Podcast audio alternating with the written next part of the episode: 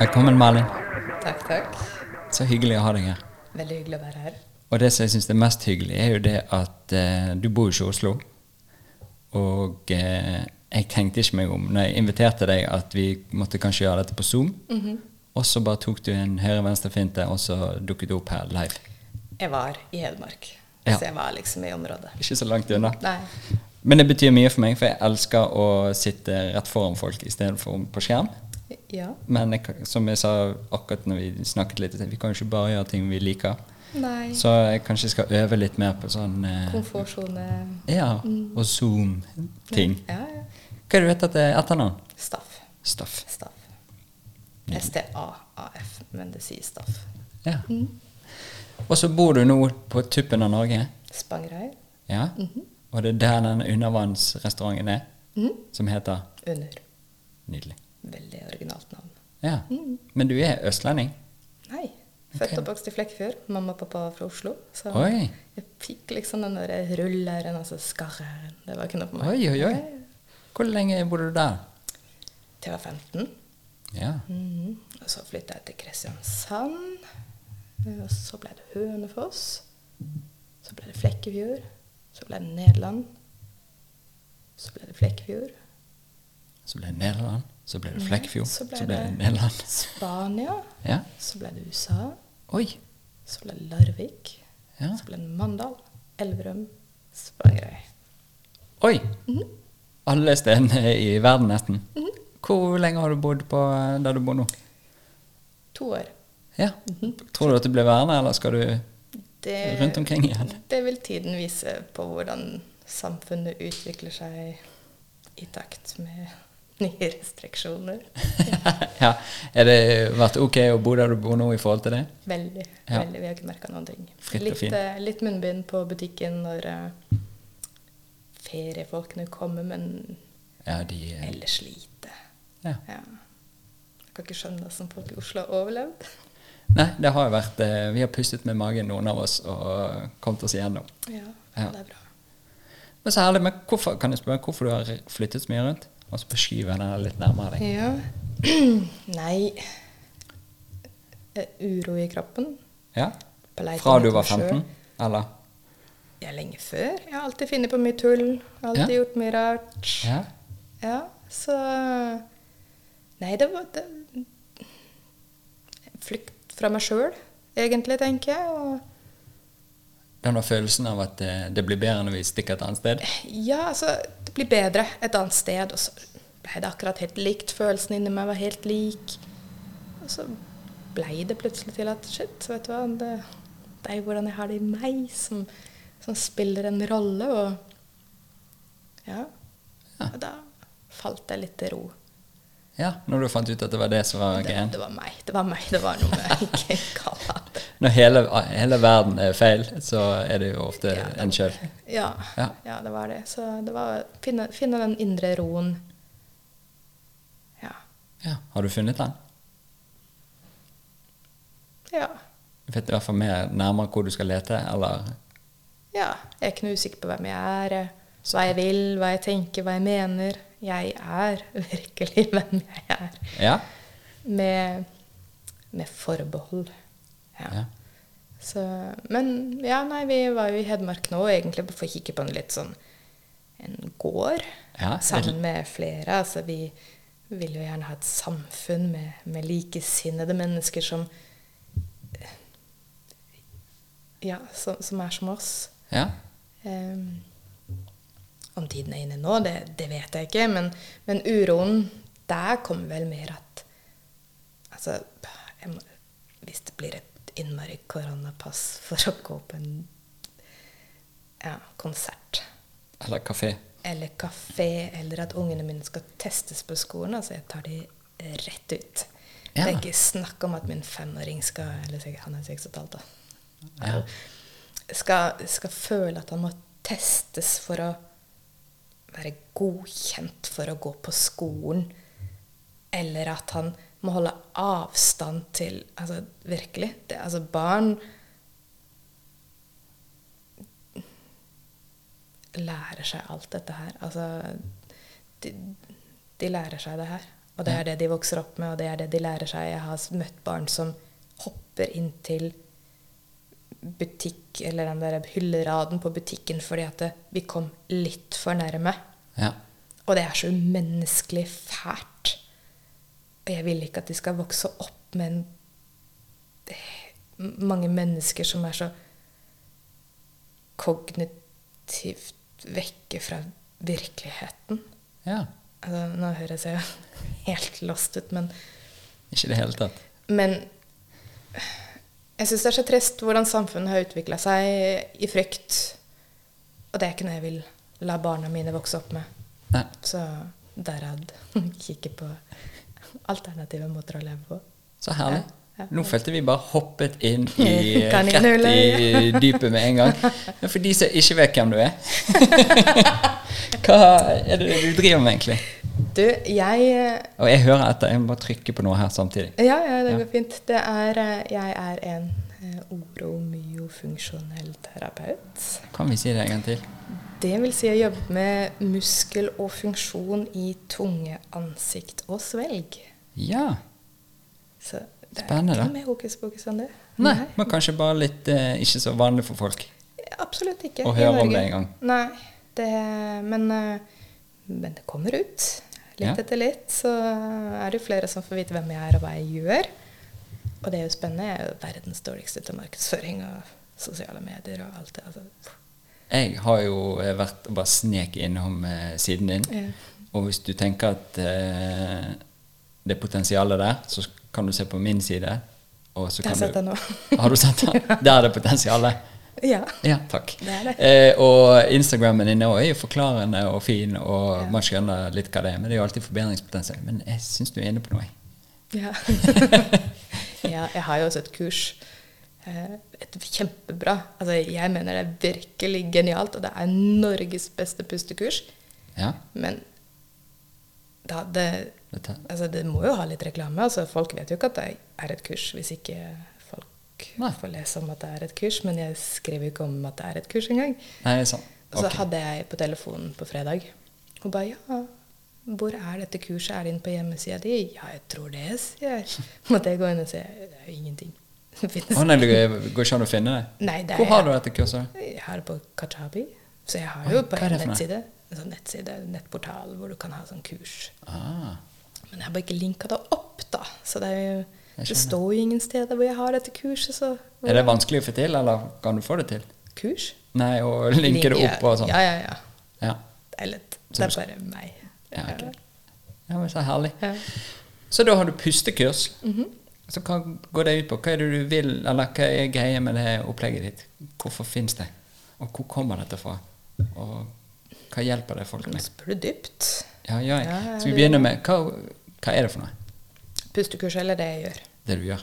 Det gjør. Jo, For pustekurset er jo en del av det, er det et verktøy det blitt- i hele blitt- opplegget. Ja, det har blitt en del av det. Men, men det Tunga vår, altså, den er helt fantastisk. Ja. Den består av åtte muskler, og vi skal overleve pga. den tunga. For hvis ikke vi hadde hatt tunga, så kunne vi ikke fått ut melka fra mors bryst. Og så har vi noe som heter stramtungebånd. ja. Og hvis vi har stramt tungebånd, så faller funksjonen ned i tunga. Og da er det mange som ikke får til å amme. ja. Det er mange barn som plutselig får en, en Altså, de er så sugevillige, så da putter vi inn en smokk inn i munnen. Jeg har gitt sånn smokk. Jeg har gitt en flaske, så det er ikke noe sånn shaming for de som gjør det. Jeg forstår de 100% Men jeg prøver å fortelle at det er ikke bra. Altså Hvis barn ikke ammer, så er det noe feil. Det er noe feil vi må se på. Altså, hvis vi hadde gått tilbake i naturen, så hadde vi jo ikke overlevd. Så her, det er jo noe veldig, ja. veldig Tiden før Ja eh, flaskene kom. tiden før ja, Ja. alt. Altså, ja. Så har vi jo en eh, hel verden full av tannregulering. Mhm. Vi har en hel verden full av søvnapne, pusteproblemer, astma, allergier. Eh, og når jeg begynte å se på tunga, så var det liksom Altså, den, den former hele ansiktet ditt. Altså, den skal jo forme luftveiene, den skal gi oss høye kinnbein, den skal gi oss brede kjever. Alt det vi finner egentlig ganske attraktivt hos, hos de vi ikke helt skjønner hva vi finner attraktivt med dem hos. da. Ja. Og, og vi har jo fått en verden med ganske lange ansikt. Vi trekker tennene, for det er ikke plass til dem. Det er mange som sier at eh, vi har fått smalere kjeve, for vi skal ikke lenger spise kjøtt. Og da er det sånn Nei, vi har fått smalere kjeve fordi tunga ligger ikke på rett plass. ja. Så, eh, så når sønnen min ble født med stramt tungebånd, okay. så skulle jeg endevendte verden for å finne ut av hva, hvorfor. Dette For hvordan vet man at det er stramt tungebånd? Hva er Med meg så var det at eh, det var vanskelig å amme. Jeg fikk sår, det var vondt. Han gikk ikke fort nok opp i vekt. De ga han morsmelkerstatning på sykehuset. Ja, altså Faen var det det, men for noen så finner de ikke ut av det før de er voksne. Altså, jeg fant ut av det da jeg var 33 år, kanskje. Ja, Hvor gammel er du nå? 36 er nå. Oh, ja. Ja, Nestemann 37. Nydelig. Så jeg er 36. Ja. Så eh, når han var seks måneder, så så, Altså, hvorfor vil han bare ammes i mørket, liggende Han grein jo ikke, han var jo ikke misfornøyd. Altså, Superlungen unge. Men jeg var så nysgjerrig. Hvorfor? Altså, hvorfor hadde jeg problemer med amminga? Hva var det som galt? De klippa jo tungebånd på sjukehuset.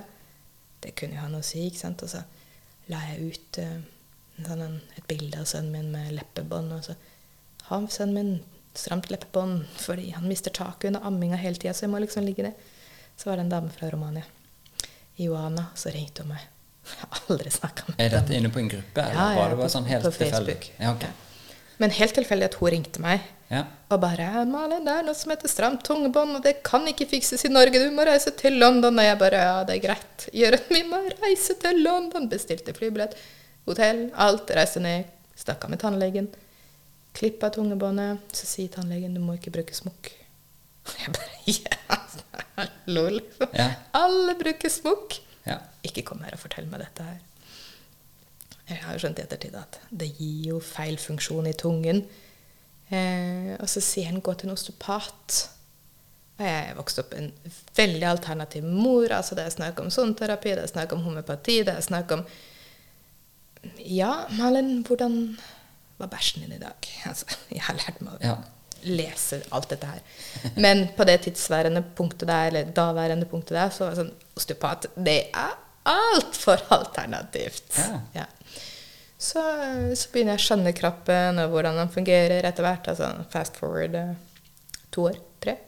Eh, så skjønner jeg hvordan alt egentlig henger sammen. Og starta en støttegruppe for Facebook eh, for stramt tunge og leppebånd. Og den vokste kjempestor. Og leger her i Norge begynte liksom Ja, ja, ja, skjønner det. Og For når du da var i London og fikk eh, fikset Ja. tungebane, og da var ting greit? Ja. Da funket det? Og så ble du giret og startet gruppe? Og ja, ja, altså det, jeg bare så, så lyset. Altså. Ja. Dette her var liksom det jeg skulle gjøre. Jeg skal hjelpe mennesker. Jeg har alltid vært sånn. Jeg vil hjelpe. ja. Men det må være noe jeg brenner for. Altså, ja. Så. Så har det liksom blitt stort. Og så fortsatte jo problemene til sønnen min. For han fikk jo fortsatt litt smokk. Det var ikke mye, for jeg syns jo det er så stygt. ja. Men han hadde jo fortsatt alle problemene som alle sa stramt tungebånd kunne gi. da. Og så skjønte jeg at han svelga jo feil fordi han hadde hatt en plastings inni munnen som gjorde at tunga ble pressa nedover istedenfor oppover. Og så ja. fikk jeg lov. Altså av litt av bakgrunnen min, litt av erfaringa mi, litt av nettverket mitt. Men jeg fikk lov til å bli lært opp av ei som heter Sara Hornsby. Hun eh, fikk meg gjennom et mentorkurs. Jeg lærte alt det jeg kan i dag. Jeg har tatt spesialisering etterpå innenfor dette her. ja.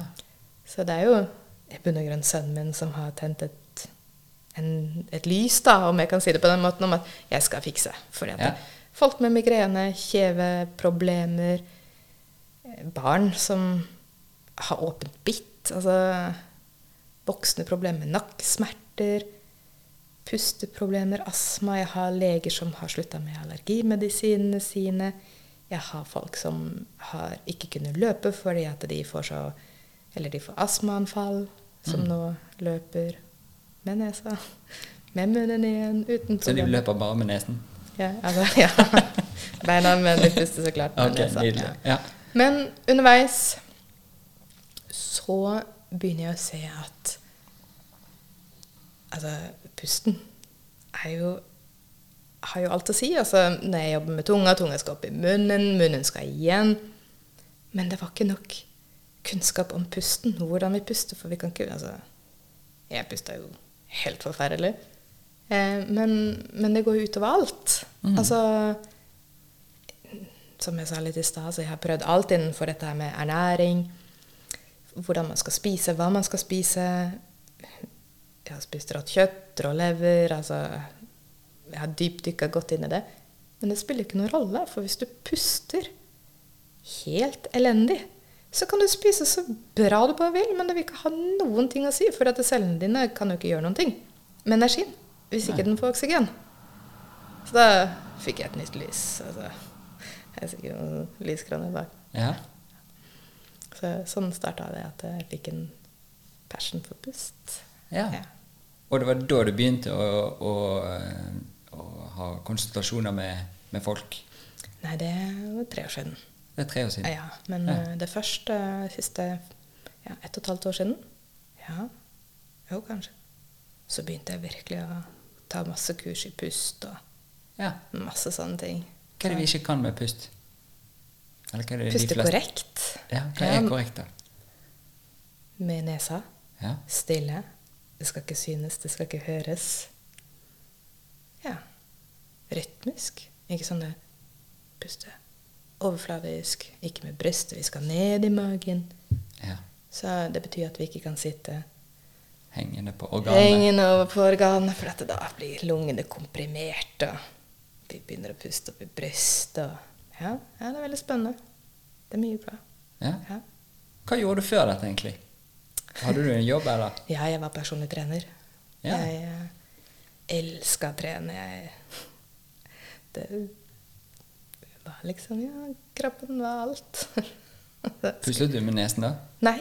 Nei. Nei, nei, nei. Men jeg har, jeg har vært en eh, sånn sett en nesepuster.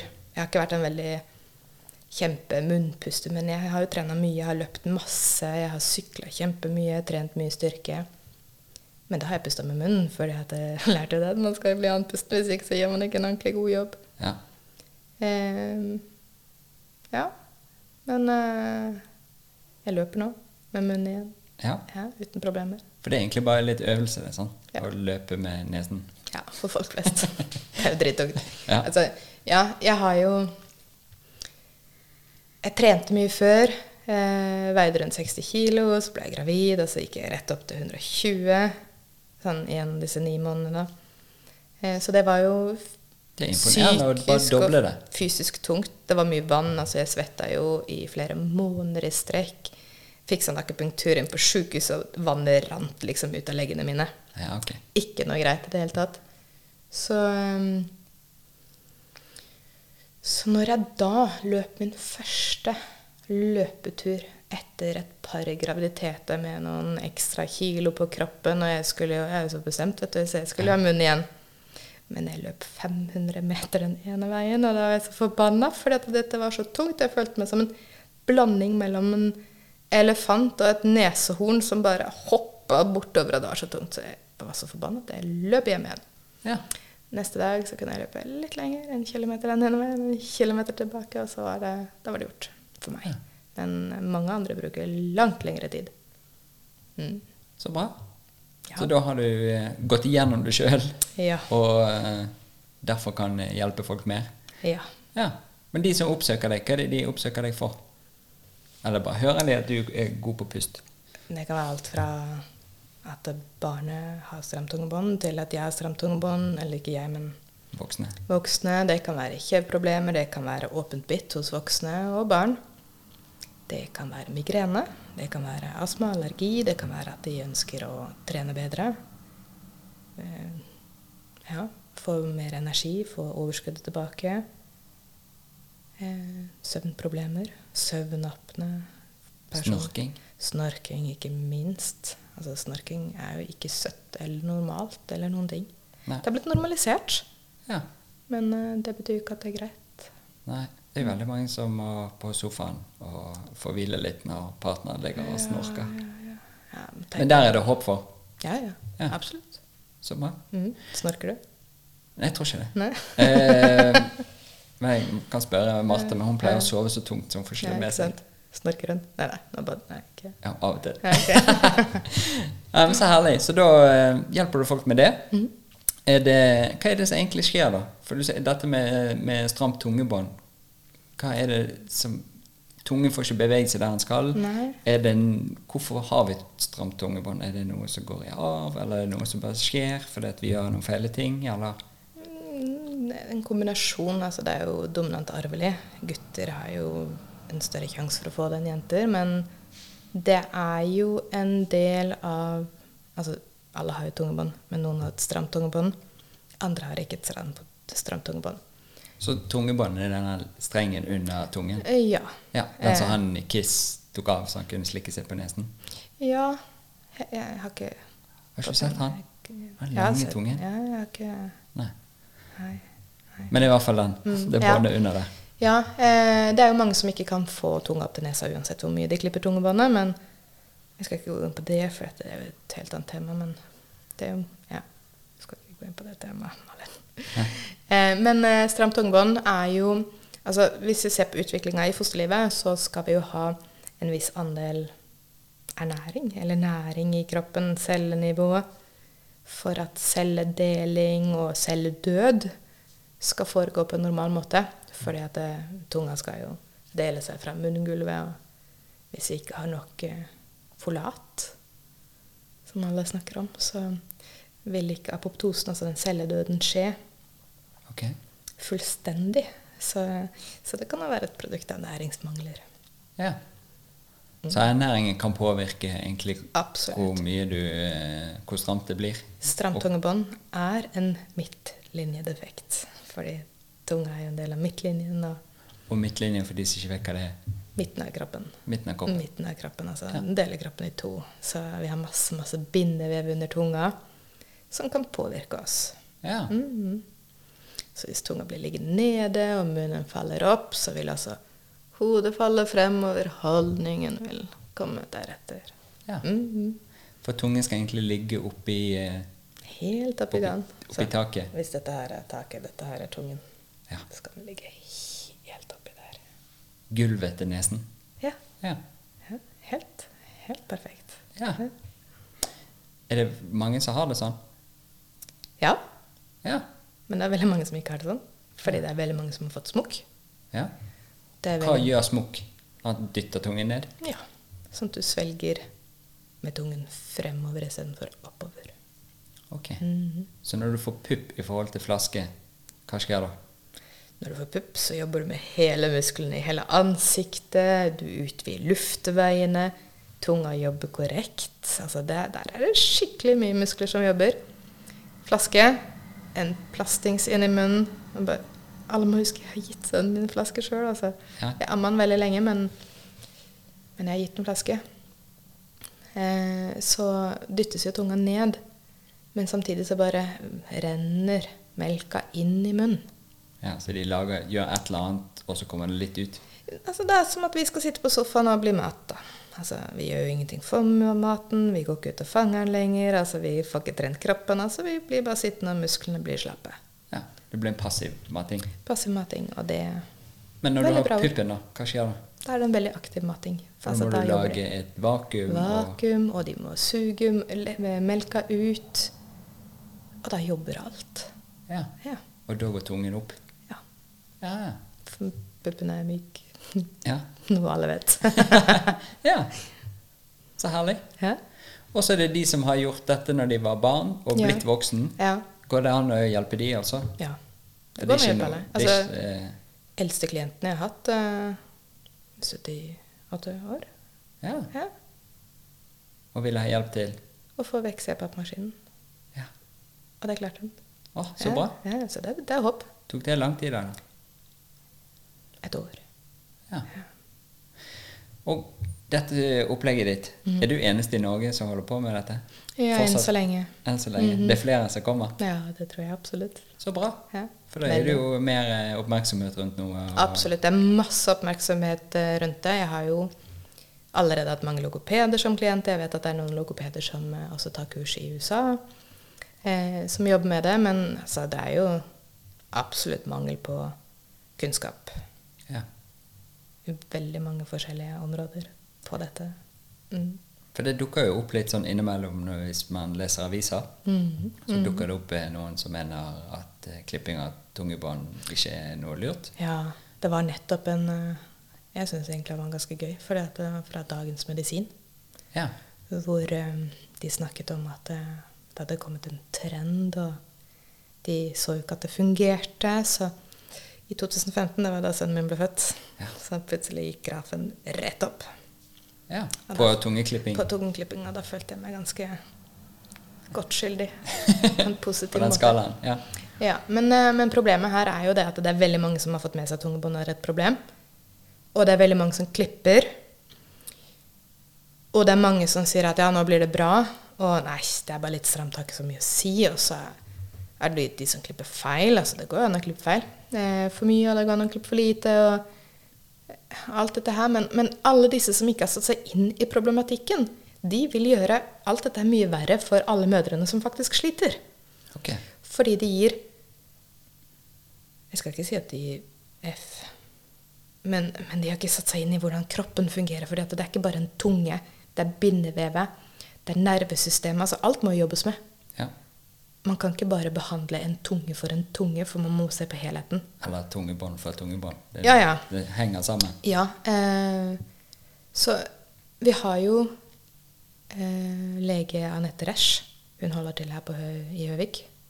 Barnegodklinikken. Hun har jo faktisk til og med reist til USA og lært av en av de fremste i verden på dette her. Okay, ja. Det er en dame som har satt seg inn, og hun, hun jobber helhetlig eh, med hele kroppen. Altså hun jobber med barnet, hun jobber med Ja, ok, hvis barnet eh, har litt problemer med å ligge på magen, ja, ok, men da er det faktisk noen bindevever på framsida av kroppen. Hvis barnet Ja, altså er sugesvak, så må det jobbes med. Altså, man kan ikke bare klippe tungebånd og forvente at alt blir, blir bra. Man må jobbe med kroppen. Og det gjør hun. Men det er veldig mange andre som bare Ja, ja, men sånn stipp. Altså. Tar ikke man hensyn til alle de andre mekanismene som Nei, er der. nei, det er veldig mye som altså, Man må se hele barnet, og man må se foreldrene, ikke minst. Man må se livssituasjonen. Eh, ja. Man må se på alt. Ja. Ja. Og det er jo litt interessant også, eh, sånn som jeg eh, når jeg holder på med kropp og behandler og leser og går på kurs og hei hvor det går, så er jo bindevev ganske nytt i vestlig verden. Det er jo Det er så fascinerende. Superfascinerende. Men det er jo derfor man kan skjønne også hvorfor vi ikke tar hensyn til eh, kjeder av noe som påvirker noe et annet sted, når det ikke har vært tatt hensyn til. Ja, men sånn oppi mitt hode så fungerer det sånn Okay? det kommet Det var jo et par år siden de sa det hadde kommet et nytt organ, det heter bindevevet. Da må vi jo lese om det og skjønne det, og da syns jeg alle som jobber med kroppen, skal sette seg ned og forstå dette bindevevet. Fordi det er så mye mer enn ja, bare ingenting. Ja. Mhm. Ja, sånn som jeg eh, har, eh, når jeg har lest meg opp, i hvert fall, så er det jo dette at man tidligere har sett på bindevev som noe, bare noen hinner rundt noe, og så ligger det litt i veien når vi skal kutte og ordne, og så er det noe, og så har ikke vi skjønt at det er bevegende eh, struktur. Noe som kan endre form, bevege seg, eh, få spenninger i seg, slippe spenninger, og kanskje har en mye større oppgave i dette med å kunne få til bevegelser og sjokkabsorberende. og, -hmm. og mange andre funksjoner. Og eh, det ble jo sagt at Grace Anatomy skulle begynne å få inn bindevevet i den siste utgaven sin. Jeg har ikke sett det ennå. Men eh, jeg fikk hakeslipp Nei, så Det er vel en franskmann, en plastisk kirurg, som har laget noen eh, filmer som heter 'Stroll Under the Skin'. Den har både meg og min mann sett. Ja. Og det var vel da jeg begynte å skjønne også når ut ifra kinesmedisin de forklarer hvordan ting beveger seg, men nå kunne du også se det med øyet, for han filmet jo på levende mennesker istedenfor Det er superfascinerende. Ja. Jeg har sittet og spist kjøtt, og så har jeg liksom bare Dratt i det. dratt i det. Og, Ja. ja. Så jeg skjønner jo at hvis du bare ser på folk som er døde, og undersøker bindevev, så er jo ikke det så imponerende, men du kan se at det henger sammen med noe. Ja. Men når du da ser det på noe levende, så er det jo en helt annen eh, Ja. greie. Ja, det jeg egentlig syns var mest fascinerende med bindevevet, var at det er, altså det er egentlig der smertesensorene våre sitter. Altså de sitter ikke i musklene som vi har fått lært. da. Så, så det er jo gøy når man liksom kjenner at OK, jeg er støl. Det er ikke musklene, det er faktisk i bindevevet. For det er der mesteparten av disse smertesensorene sitter. da. Ja, Mm. herlig. Det var på den filmen. Var det, ja. Mm. Så nydelig. Men da sitter du på Zoom og tar konsultasjoner, Jepp. og da går dere gjennom eh, forskjellige typer verktøy for å fikse ting. Først må du kartlegge et eller annet, eller? Kartlegge. Mm, Masse symptomer. Altså, jeg jobber helt inn ut ifra symptomer. Altså, du kan ha like lang- stramt tungebånd som en mann på 70, eller en gutt på 15, eller en på samme alder, men dere kan ha helt vidt forskjellige symptomer. Ja. Kommer helt an på hva du har gjort. Om du har trent, om du ikke har trent, om du har fått beskjed av foreldrene dine sitter rett opp og ned, eller om vi sitter her, om vi har gama. Kjempemye som spiller inn. Så det er liksom helheten som må ses på. Så har vi konsultasjoner, sånn FaceTime, men da sitter jeg og ser meg selv. Jeg sitter og ser personen, og han sitter og ser seg selv, og gjør øvelser ut ifra der hvor han er. Så hver 14. dag får du nye øvelser okay. som du skal jobbe med, om isolering av kjeveledd, av tungen, av noen gjør forholdning, noen får pust. Kommer veldig an på. Og så må dette mestres innen 14 dager. Jeg er Ja. veldig streng. Jeg er veldig streng. Hvis ikke de får klare klarer å få det da får ikke de nye øvelser? Nei, de må bare gjøre det på nytt. Ja, til de får det til. Ja, de Ja. får det til. Men uh, hos noen så må musklene vekkes. Altså, er det helt klin umulig, så er det jo så klart Jeg ser jo på er det stramt tungebånd som gjør at det hindres. Er det lav muskeltonus som gjør at det ikke går? Er det det at du ikke har prøvd nok? For det finnes jo noen av de òg. Så ja, jeg ser jo helt an. Altså, noen, noen må få de flere ganger på rad. Og det syns jeg er kjempekjipt, fordi jeg vet at de kan få det til. Ja.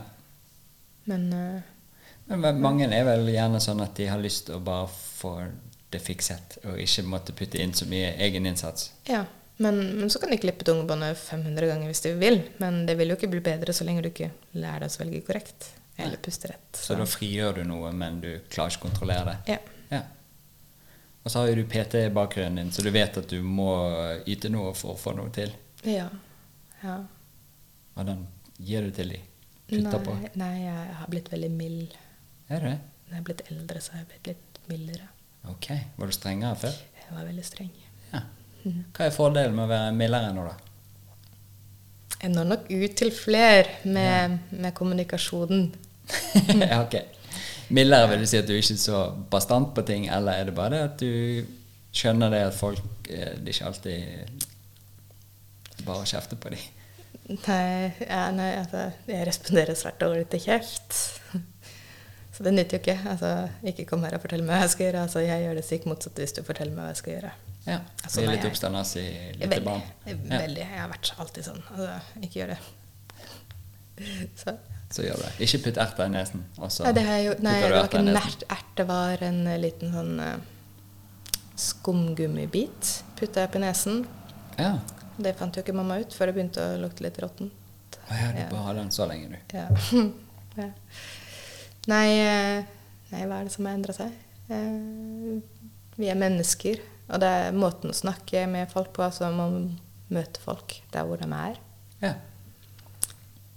Og, og du er annerledes enn meg, ikke sant? Så jeg, jeg kan jo liksom ikke tenke at det som funker for meg, funker for deg. Men så er det litt livssituasjonen din, og ja. Selv om jeg er streng, så, så er jeg liksom ikke sånn som jeg var. Altså, selv om jeg er veldig Jeg har sterke meninger, jeg står veldig for det jeg sier.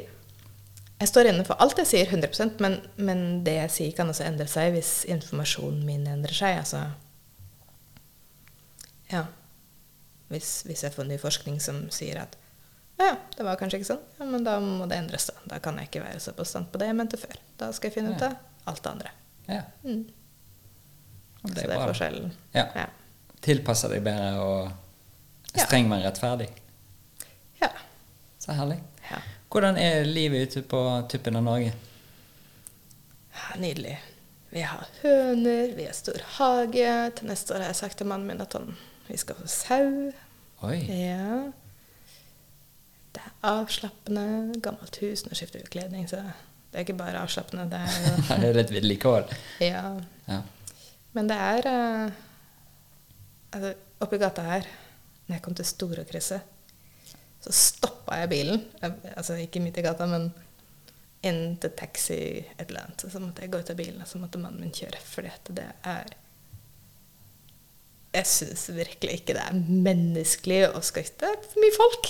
Ja, det er jo Det det. er så mye stress. I hvert fall hvis du har vært uh, ute av det en stund, så er det vel Ja. en uh, tilvenning igjen. Ja, så Men jeg kjente meg igjen, da. Altså, jeg har vært på Grünerløkka. Det er Grünerløkka her, ikke sant? Ja. Jeg har vært der mange ganger.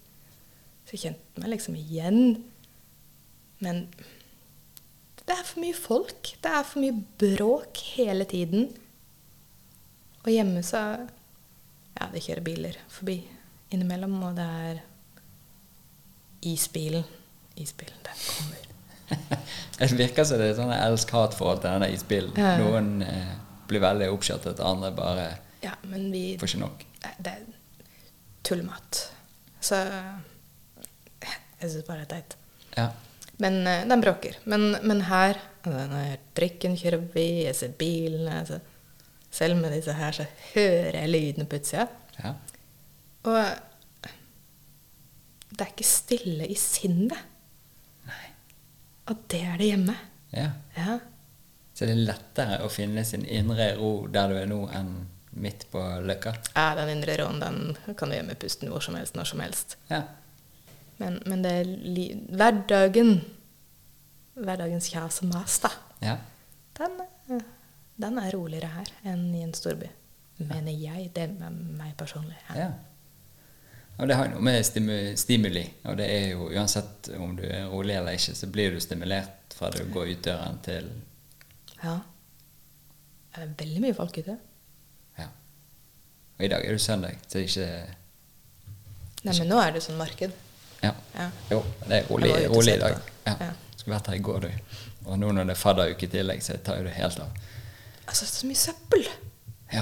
Og det er så skittent. ja, folk er Og luftkvaliteten. Ja, kjenner du den godt? Jeg bare, altså, jeg ser en bil, så tenker jeg Ja, ok. Men kjenner du det? Eller Nei. bare Det lukter jo innstillingen? Nei, det lukter, lukter jo ikke like friskt. Det Nei. gjør det jo ikke. Langt ifra. Hvis det lukter frist her nå, så er det meg. Jeg har fått ny dør. Oh, ja. ja. Ja. Så herlig. Men når du reiste rundt til alle disse stedene før vi kom her Vi skal tilbake igjen til Tungebanen og, og alt det der, men jeg tenkte litt på Nederland og alle mulige steder. Hva holdt du på med da? I Nederland så var jeg først au pair. Ja. Så var jeg det fram til mammaen sa jeg hadde en svart sjel, for det sa sønnen på tre år, for han fikk ikke lov til å gjøre hva han ville av meg. Den familien du bodde hos? Det er noen snakk om at eh, nei, han fikk ikke lov til å spytte på hvem han ville, når han ville, eller kaste alle lekene rundt og ikke rydde opp. Ja. Altså, ikke at jeg altså, Han var tre år, og ikke at jeg var veldig streng, men jeg prøvde liksom «Ja, Men du kan ikke liksom kaste ut alt. Da likte ikke han meg, så da sa mammaen at, han hadde en svart sjel, at jeg hadde en svart sjel. ja. Så um, jeg blei der i tre måneder. Så flytta jeg til en liten by som heter Putte. Putte? Putte. Ja. Og da jobba jeg i en fabrikk som lagde andeleverpaté og ansjos. Og vi pakka eh, peinbompitten, sånn pin, pinjefrø. Pinjefrø? Ja, Ja, ja, sånn, ja. Ja. sånn som du faller på pizza og sånne ting? Ja, eller salat. I salat? Ja. Er det pinjefrø? Pinnekjerner? Pinne, pinnekjerner. Ja. Ja. ja. Nydelig. Ja. Og eh, pepper. Og ja, det var litt sånn forskjellig. Kapers. Ok, Så det var en sånn fabrikk som lagde alt mulig gøye ting? En sånn, ja, en sånn sær liten butikk som lagde luksusmat. da. Altså Det var jo andeleverpaté med trøffel oppi. Oi. Ja. Så jeg gjorde det, og så vaska jeg noen hus, og så hadde jeg innmari kjekt. Altså, det var jo egentlig et sånt veldig stressfritt liv.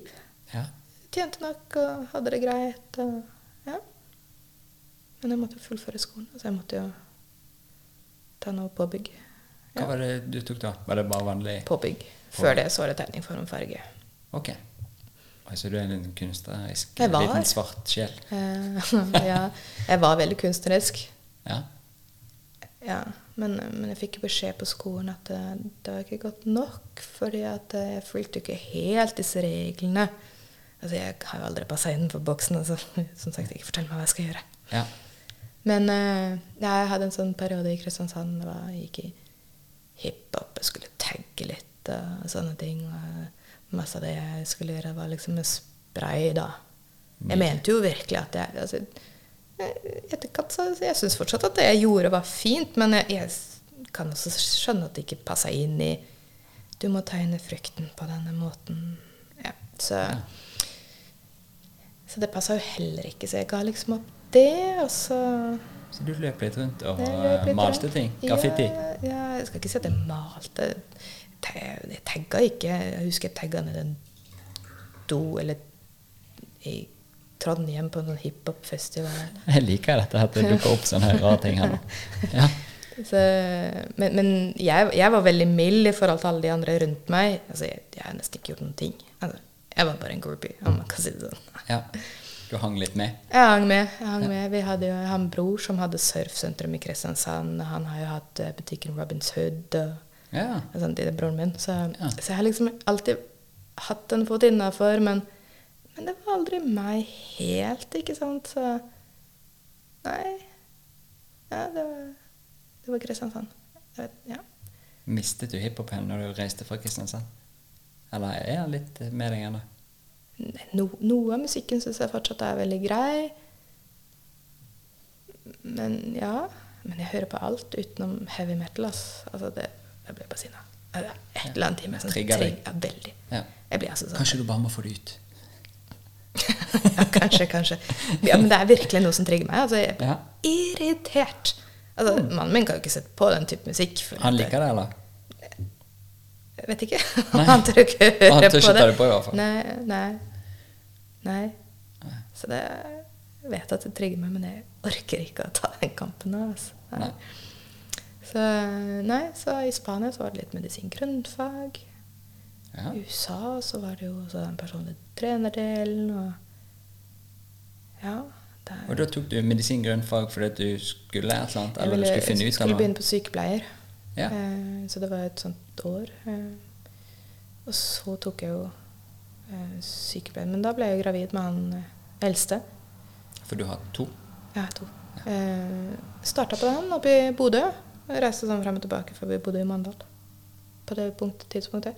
Så ble jeg gravid, og så fikk jeg sånn bekkenløsning, så jeg klarte liksom ikke å gå. Så jeg ble virkelig sengeliggende og gikk jeg glipp av eksamen.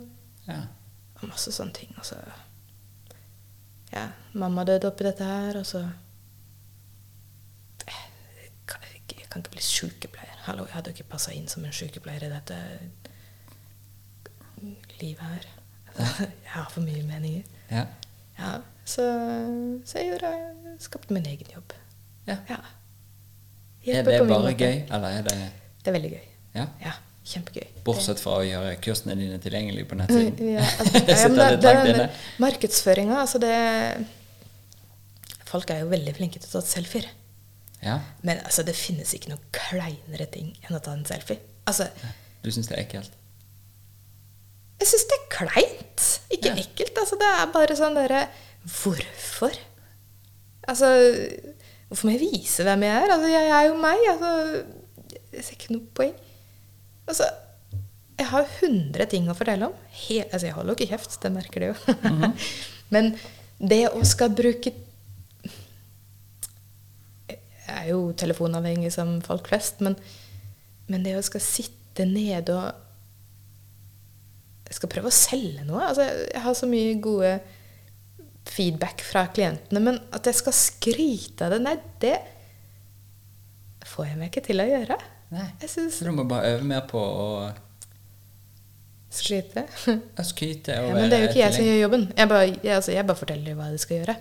Jo da, men de er jo takknemlige for de tingene du har fortalt dem. Du har Ja. kanskje gitt dem noen verktøy og gitt dem en, en idé om at noe kan fikses istedenfor Ja. at man ikke Ja. kan fikse. Ja. Så selv om ikke bedre. du har fikset de, så har du jo vært med å fasilitere, heter det? Ja, Ja, Fasilitere til at de kan komme noen vei. Sånn tenker jeg for jeg når jeg er på klinikken nå. Jeg er jo bare med på å hjelpe noen til å få det bedre.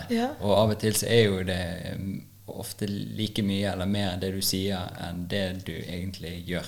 Og så begynner å skape noen ideer, og, så, og bare se at det fins Litt sånn som innen eh, mat og ernæring også. Sant? Og bare gi folk en, en, en døråpner for at det fins andre ting også Mm. enn det du får servert. Også med media. Altså, det går an å finne et bilde av verden et annet sted enn alle de fire store avisene vi har i Norge, f.eks. ja. ja, veldig viktig. Og det er den jeg tenker. Da er jo du med på å hjelpe noen til å åpne en annen avis eller øh, å få ting til, og så har du noen fine verktøy, Mm. og så folk klarer å mestre, og så kommer de det. Og da må du eh, f- får jeg sier jeg, jeg er ikke flink på det sjøl. Nei, jeg skulle akkurat til å si det. Ja, kanskje, kanskje det er det som er problemet. Ja? Altså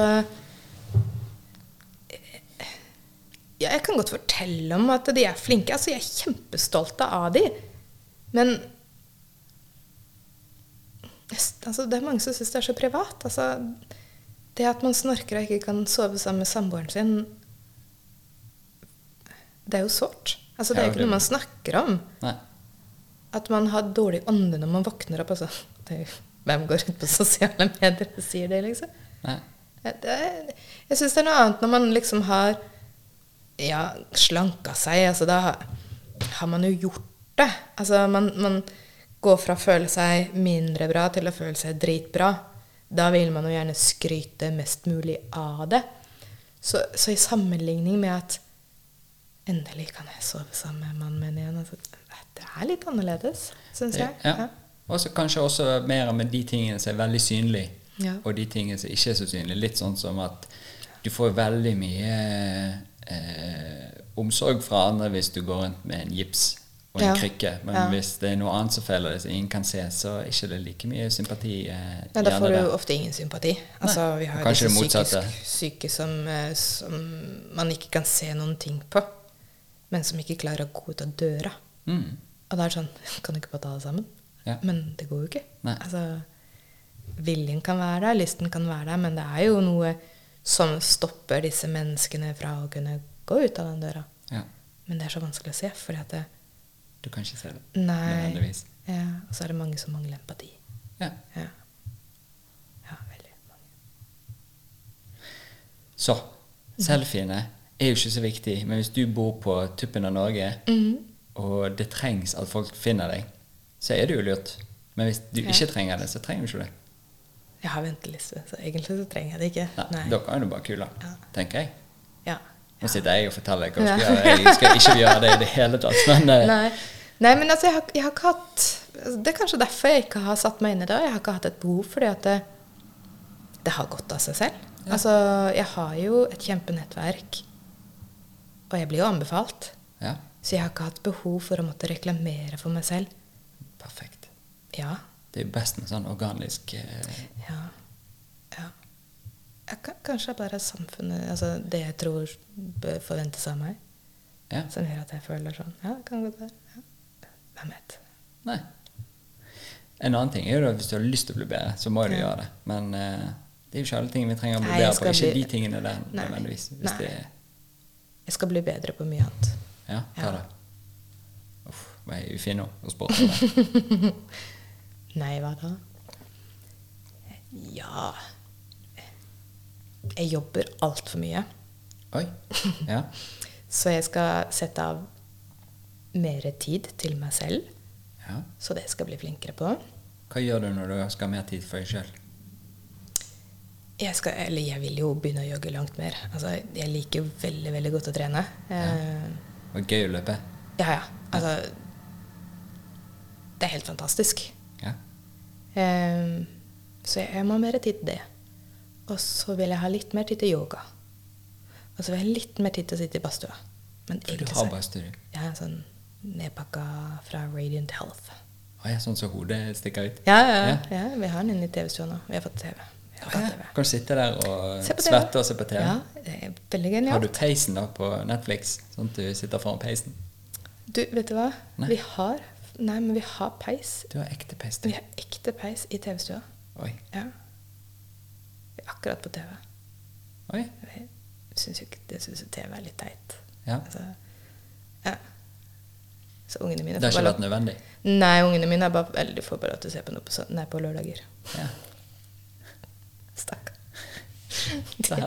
Ja, de er litt fortvila på det, da, for det er veldig mye de vil se på, for de hører at dette er fra venner og, og sånne ting. Ja. Jeg tenker, eh, Jeg det er jo alltid det der å se tilbake i tid. Men når vi var liten, så var det barne-TV. Det var jo en halvtime eller et eller annet. Ja. Og så hadde du lørdag, da var det litt ekstra på morgenen og Ja. barne-TV. Ja. Ellers så så jo ikke vi på noen ting. Nei, vi var ute og lekte. Ja. Og jeg vet ikke, det er jo alltid det vi kommer tilbake til. Å, det var mye bedre før når vi var ute og lekte. Jeg vet ikke, men det virker litt sånn. Ja. Det er ikke som vi hadde Ja, men det er jo mye bedre Altså, jo, ma, jo jeg, jeg vil si så bastant at det var bedre før. Når vi brukte kroppen. Fordi at vi har jo en epidemi med overvekt både i den ene og den andre enden. Altså, vi har sluttet å bruke kroppen vår. mm. Så, så jo, ting var bedre før. Fordi vi var mer fysisk aktive. Ja.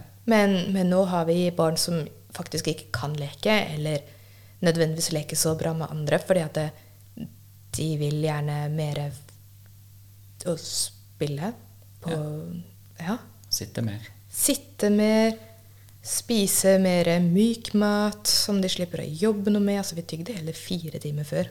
Back in the days, liksom. Ja. Som var med på å utvikle kjevene våre. Men når industrialisering av maten kom, så ble vi litt sånn lengre og trangere kjever. Ja. ja. Mindre utfordrende. Ja. ja. Altså, jeg vil slutte å bruke kroppen. Altså, før så brukte vi kroppen langt mer. Altså Til og med bare med å vaske huset, sier jeg. Jeg har vaskehjelp, så Ja. jeg vasker huset da. Selv, selv om jeg er det. Du vasker før vaskehjelpen kommer, sånn at uh... rydder før vaskehjelpen kommer. okay.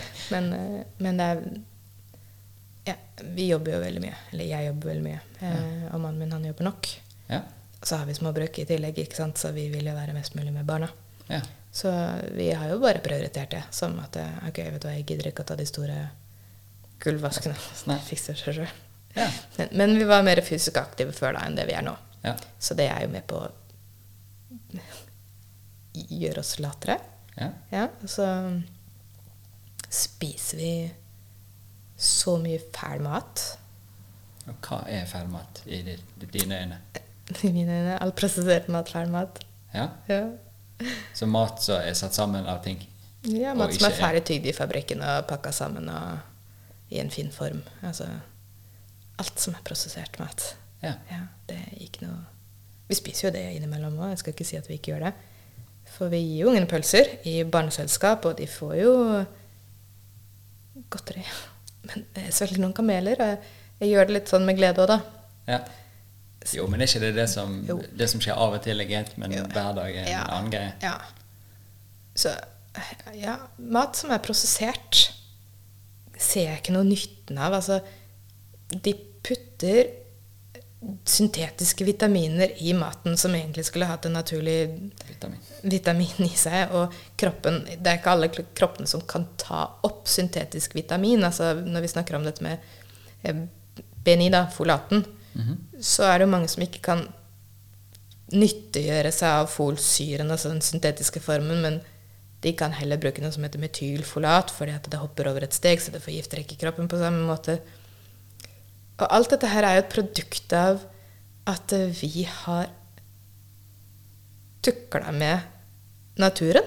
Ja. Altså hadde vi spist, Spiser vi skikkelig mat, så er opptaket veldig mye bedre uansett. Så all prosessert mat er i mine øyne dårlig mat. ja. Men jeg lar det jo skje, fordi at vi lever jo i 2021. Yes. Men jeg svelger noen kameler Ja. med glede. Og noen tar jeg en kamp på. Ja. Ja. Jo, men det er jo også derfor jeg tror det er viktig å få opp øynene til veldig mange om at eh, de tallene jeg har lest, i hvert fall, er at vi ligger sånn 60% av all maten som blir spist, i hvert fall er eh, høyprosessert og ultraprosessert. Ja. Og da begynner det å bli litt sånn for når man da ser på hvordan kroppen Prosesseringen gjør at kroppen ikke klarer å ta til seg alle tingene, Mm. og igjen da skaper en del inflammatoriske ting og forskjellige andre ubalanser ja. og sånne ting. Ja. Så er det jo da interessant å se at vi har eh, voksendiabetes er på barneskolen, og vi har faktisk en pandemi på, på de tingene der. Ja.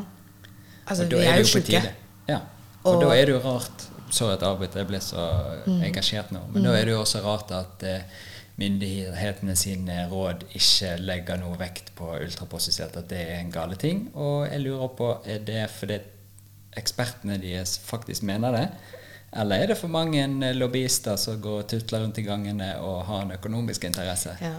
For det, det er jo ikke veldig rakettforskning å Nei. se hva som er Nei. bra for oss og ikke. Nei, jeg kommer sikkert til å være veldig politisk ukorrekt, altså, som jeg Perfekt. ofte kan være, men, Ja. men altså Hvis vi skal se på korona i,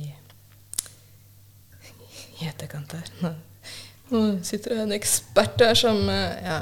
Alle er jo eksperter for tiden, så det er Ja, ja. uansett hva leir man er i. Ja, men, eh, men ok, de som sitter og sier dette her om meg akkurat nå, kan også liksom bare Ok, la oss tenke litt logisk akkurat nå. Vi vet de som er overvektige, de som har eh, mange av disse eh, kroniske sykdommene, de er mer eksponerte for å få og bli alvorlig syk av korona. Hvorfor fikser vi ikke det? Hvorfor stopper vi da inngangen til treningssenteret, men lar restaurantene, Vinmonopolet, alt dette tullet her være åpne? Hvorfor eh, har vi ikke tatt eh, opp avgiftene på røyksnus og godteri og drittmaten, og gir oss mennesker billigere mat, sånn at vi kan leve sunnere? Hvorfor fremmer de ikke eh, bevegelighet i skolen, istedenfor at vi skal sitte ganske mye rett opp og ned eh, og se på en skjerm? Altså, hvorfor kan de ikke jobbe med menneskelig helse framfor å gi piller for symptombehandling? Hvorfor kan vi ikke fikse helsevesenet framfor å ikke gjøre noen ting? Altså, vi skal pushe på en vaksine som én ikke er godkjent. Og oh, antivakser Nei, det er ikke det det handler om. Jeg tar dialogen allerede nå. Jeg hører du snakker med noen som Ja, ikke ja, nei, det er fint, det. Inni hodet, da. Men altså Ja, folk er dritlei. Mange tar nok vaksinen bare fordi at de er dritlei. Men når FHI kommer inn og sier at det, nå kan man bruke vaksinen på gravide, Og så er det sånn Ja, men hallo, hva med langtidseffektene? Og det er jo noe vi ikke vet om. Da forsker vi jo faktisk på spedbarn som ligger i mors liv. Og så vet vi Nakstad har jo til og med gått ut og sagt at de som har fått vaksinen, er med på å spre mutantene. Altså, og så skal nå tredjedosen komme på deltaviruset. Snart kommer fjerdedosen, snart kommer femtedosen. Det har jo allerede stått i nyhetene om at vi skal få dette her årlig. Mm. Det gir jo ikke mening at de fremmer en vaksine framfor å fremme god mat. Og god Nå helse. kjente jeg at jeg ble Jeg litt så sånn derre der Du litt, eh, jeg fikk i en blikket ild i blikket, ja. Mm. Ja, men det er jo det jeg tenker på. For det at eh, man kan være for eller imot eller hva som helst. Ja. alle den, den biten der, Men det er jo det at uh, nå er det snart valg. Ja. Og så har jeg prøvd å finne partier som Ja. eh, fokuserer på hvordan vi kan forbedre helsen vår. Og det klarer ikke jeg helt å finne. Nei. Nei. Selv det hos som- de jeg heier på. Ja, har ikke klart å gøy- formidle at dette må vi få til. Nei, men det som er litt gøy i gåsetegn, da er det at nå er valget, og, og da har vi liksom åpna opp. Altså, nå, nå har vi åpna opp for at nå skal liksom folk begynne å stemme på Erna igjen. Altså, det er jo damer som ikke oser sunnhet en plass. Altså, som sa, jeg kan være politisk ukorrekt, men, men det er jo viktig for helsen. Vi vet jo at overvektige har en høyere sjanse for å få korona. Jeg kan skjønne at altså, dette, må, dette her er en pandemi. Altså, overvekt er en pandemi. Uten at jeg har noe imot det. Altså, jeg har jo mitt på kroppen, jeg òg, men altså, Hvorfor ikke opplyse mennesket om ordentlig mat og bevegelighet? Og fremme bevegelighet og, og gi barn yoga i klassen istedenfor å gi dem en pad? Ja. Og kanskje også fokuset tenker jeg på hvordan ha et bedre immunforsvar. Ja. Og eh, det er heller ikke noe nytt der at eh, stress og negativ stress har en enorm, ja, har en enorm effekt på, på um, immunforsvaret vårt. Og eh, vi snakker jo mye med folk som er litt stresset og har eh, inflammasjon i kroppen, og eh, gjør også det at eh, immunforsvaret går litt ned.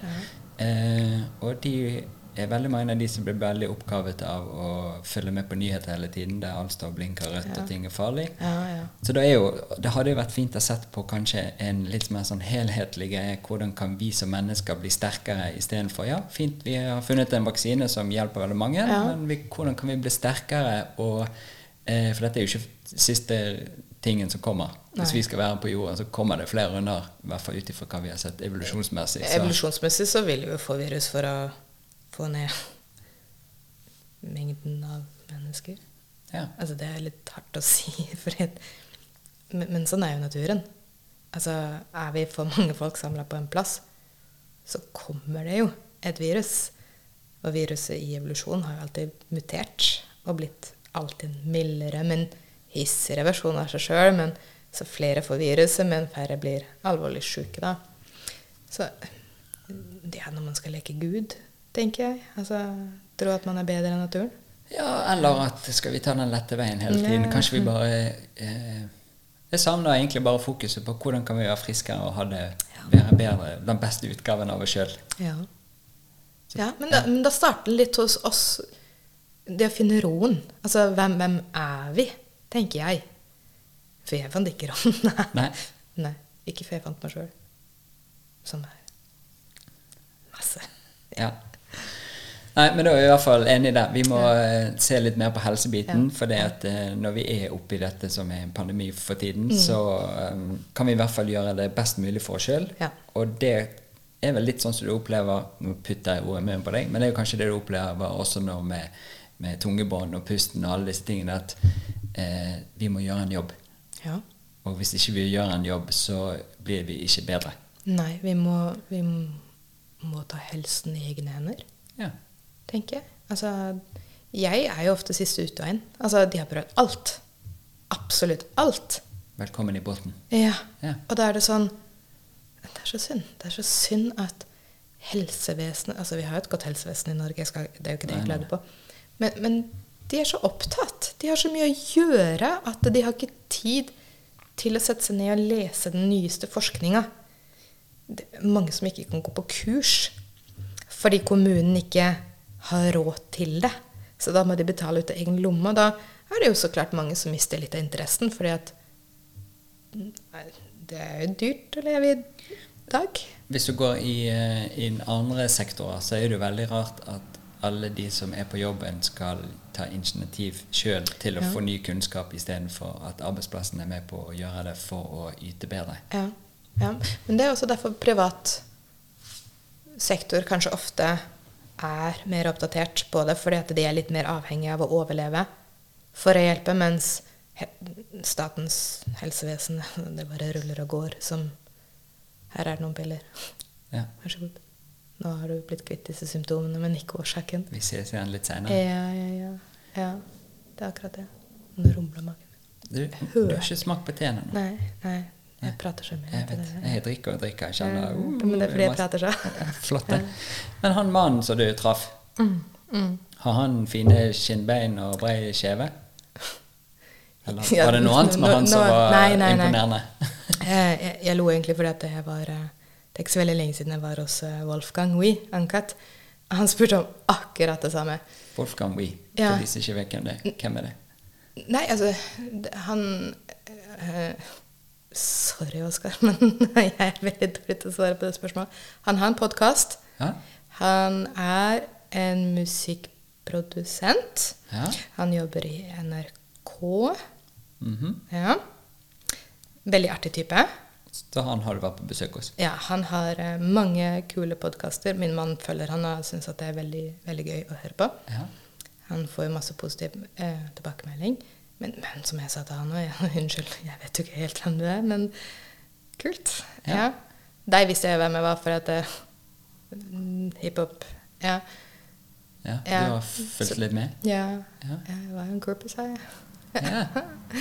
Eh, men nei, Wolfgang spurte om akkurat det samme. Så um, Nei, altså han har jo også sine preg av eh, at han ikke har nok plass, men han er veldig kjekk. Ja. Han, eh, jeg møtte han jo rett etter at han hadde vært på skytebanen. Han er jo jeger. Oh, ja. Eh, breie skuldre, flott mann. Men ah, han osa jo av testosteron. Ja. Og da var det gjort. Altså det, det var For meg var det jo ikke noe mer enn et blikk. Nei. Jeg hadde akkurat kommet ut av et helt ræva forhold. Og så sitter meg og pappa på dykkerbåten i Mandal, og så sier jeg til pappa Ikke la ham bli med. Oh, ja. Jeg, for jeg tenkte at det- Dykkerbåten? Hva er dette for noe? Jeg dykka. Jeg dykka før. Oh, ja, ja. Eh, og da sto Jørund der med harmkrysset. og For da var han også dykka? Ja. Ja. Og så sier jeg, det var sånn, vi skulle ha en sånn dykke, årlig dykketur eh, hvor vi skulle overnatte, drikke litt, dykke litt eh, og så videre. Så sier jeg til pappa ikke la han bli med. Og så ble han jo med. Og han er fra Hardanger. Oi, oi, oi. Skjønte ikke hva han sa første gangen. Så når han, vi var på båten, båten bråkte jo, en sånn stor, flott båt. Jeg bare smilte, jeg. Og sa ja. Jeg hørte jo ikke hva han sa. Så da var det gjort. Ikke alltid du trenger å skjønne Nei, noe. nei, siden har vi egentlig bodd sammen. Å, så herlig. Ja, ja. Så, Nydelig. ja, det var faktisk um, åtte år i går. Oi, Mm. gratulerer. Er Feiret dere? Vi var hos et eh, vennepar. Ja. Så da feira vi seksårsjubileum, jeg og hun Iris. eh, Og så feira vi bursdagen til Rino. Mm, så Til det var hvem? Eh, mannen hennes. Ah, okay. Mm, da- Rino. De er fra- Rino. Eller han er fra Nederland. Ah, Mm. Så Er det noen av dere dere skal bygge sånn liten eh, gårdsgreie med? Ja, vi har jo ikke bestemt oss. Nei, vi vi har har vært lyst. og sett. Ja, veldig. Vi har Ja. veldig lyst. Det er uh, flott familie. Ja.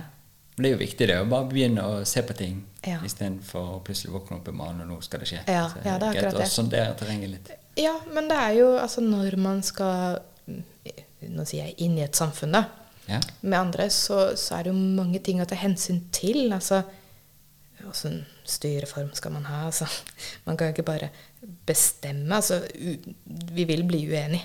Ja. Men hvordan løser man problemer? Altså, hvordan skal det komme flere familier til? Hvor mange skal komme til? Hvordan skal vi dyrke? Hvordan skal alt Altså, det er mye som må snakkes om. ja. Så, så det er jo en prosess som vi alle må gå igjennom på flere plan. Og hvordan det skal gjøres. Er dette perfekte plassen, eller skal det være andre steder? Eller kanskje vi finner ut av at vet du hva, vi har det så godt på gården vi har nå, at, eh, Det er bare- at vi blir. Altså, det kan godt være at hele samfunnet åpner opp igjen, og alt blir som normalt. Jeg, jeg tviler jo, men eh, det er meg. Jeg er litt negativt innstilt til enkelte ting. Ja.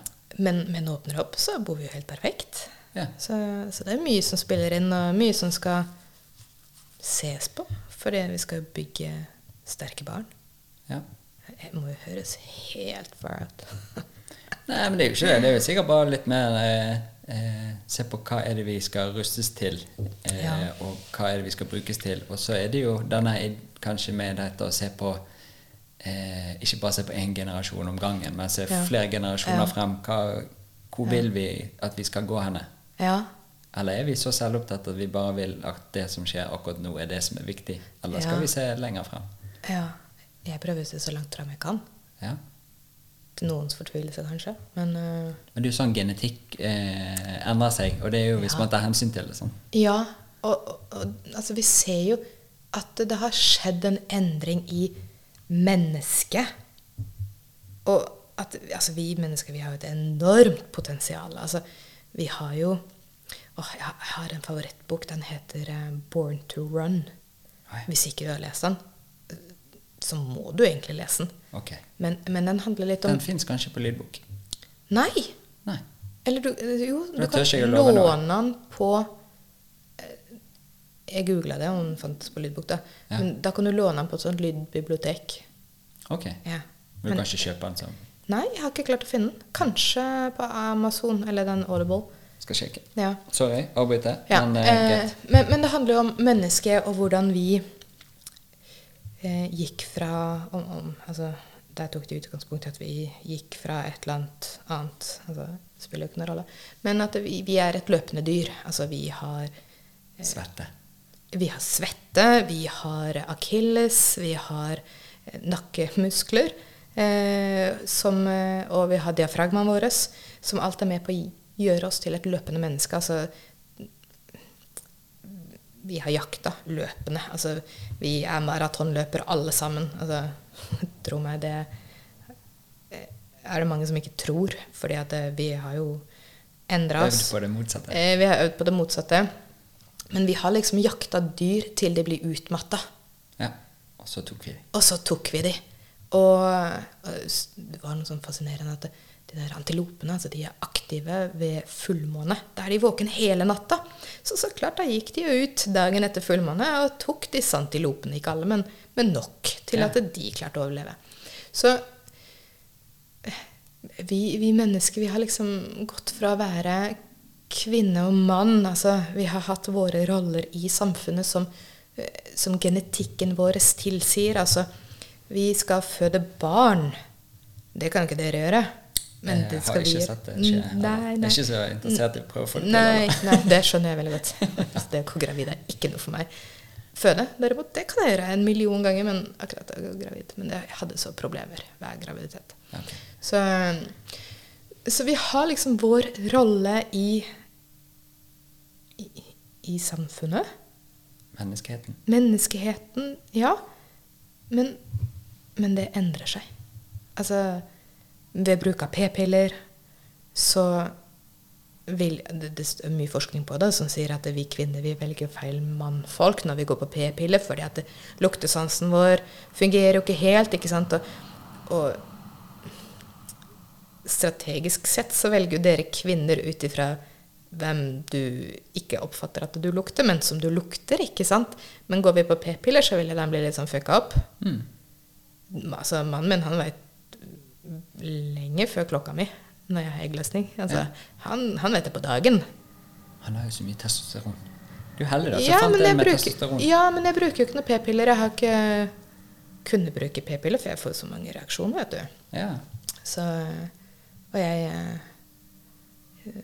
Odin, han eh, Stakkar. Er det et annet barn? Ja, det er sønnen min. Odin er sønnen min. Ja. De som hørte den lyden, det er magen min som ramler. Jeg spiste chips i går. Å, ja. Eh, vi tok jo eh, eh, angrepiller på han. ja. Men eh, tydeligvis så funka jo ikke det.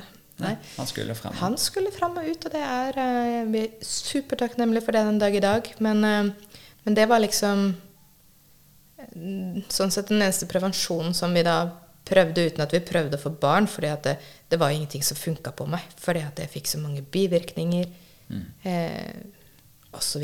Men så vi har jo funnet hverandre uten disse kjemiske, Kjemiske stoffene. Ja. Ja. Så jeg tror det å være med på å endre måten vi kanskje Det er jo mange som ikke kan få barn. Det øker jo bare.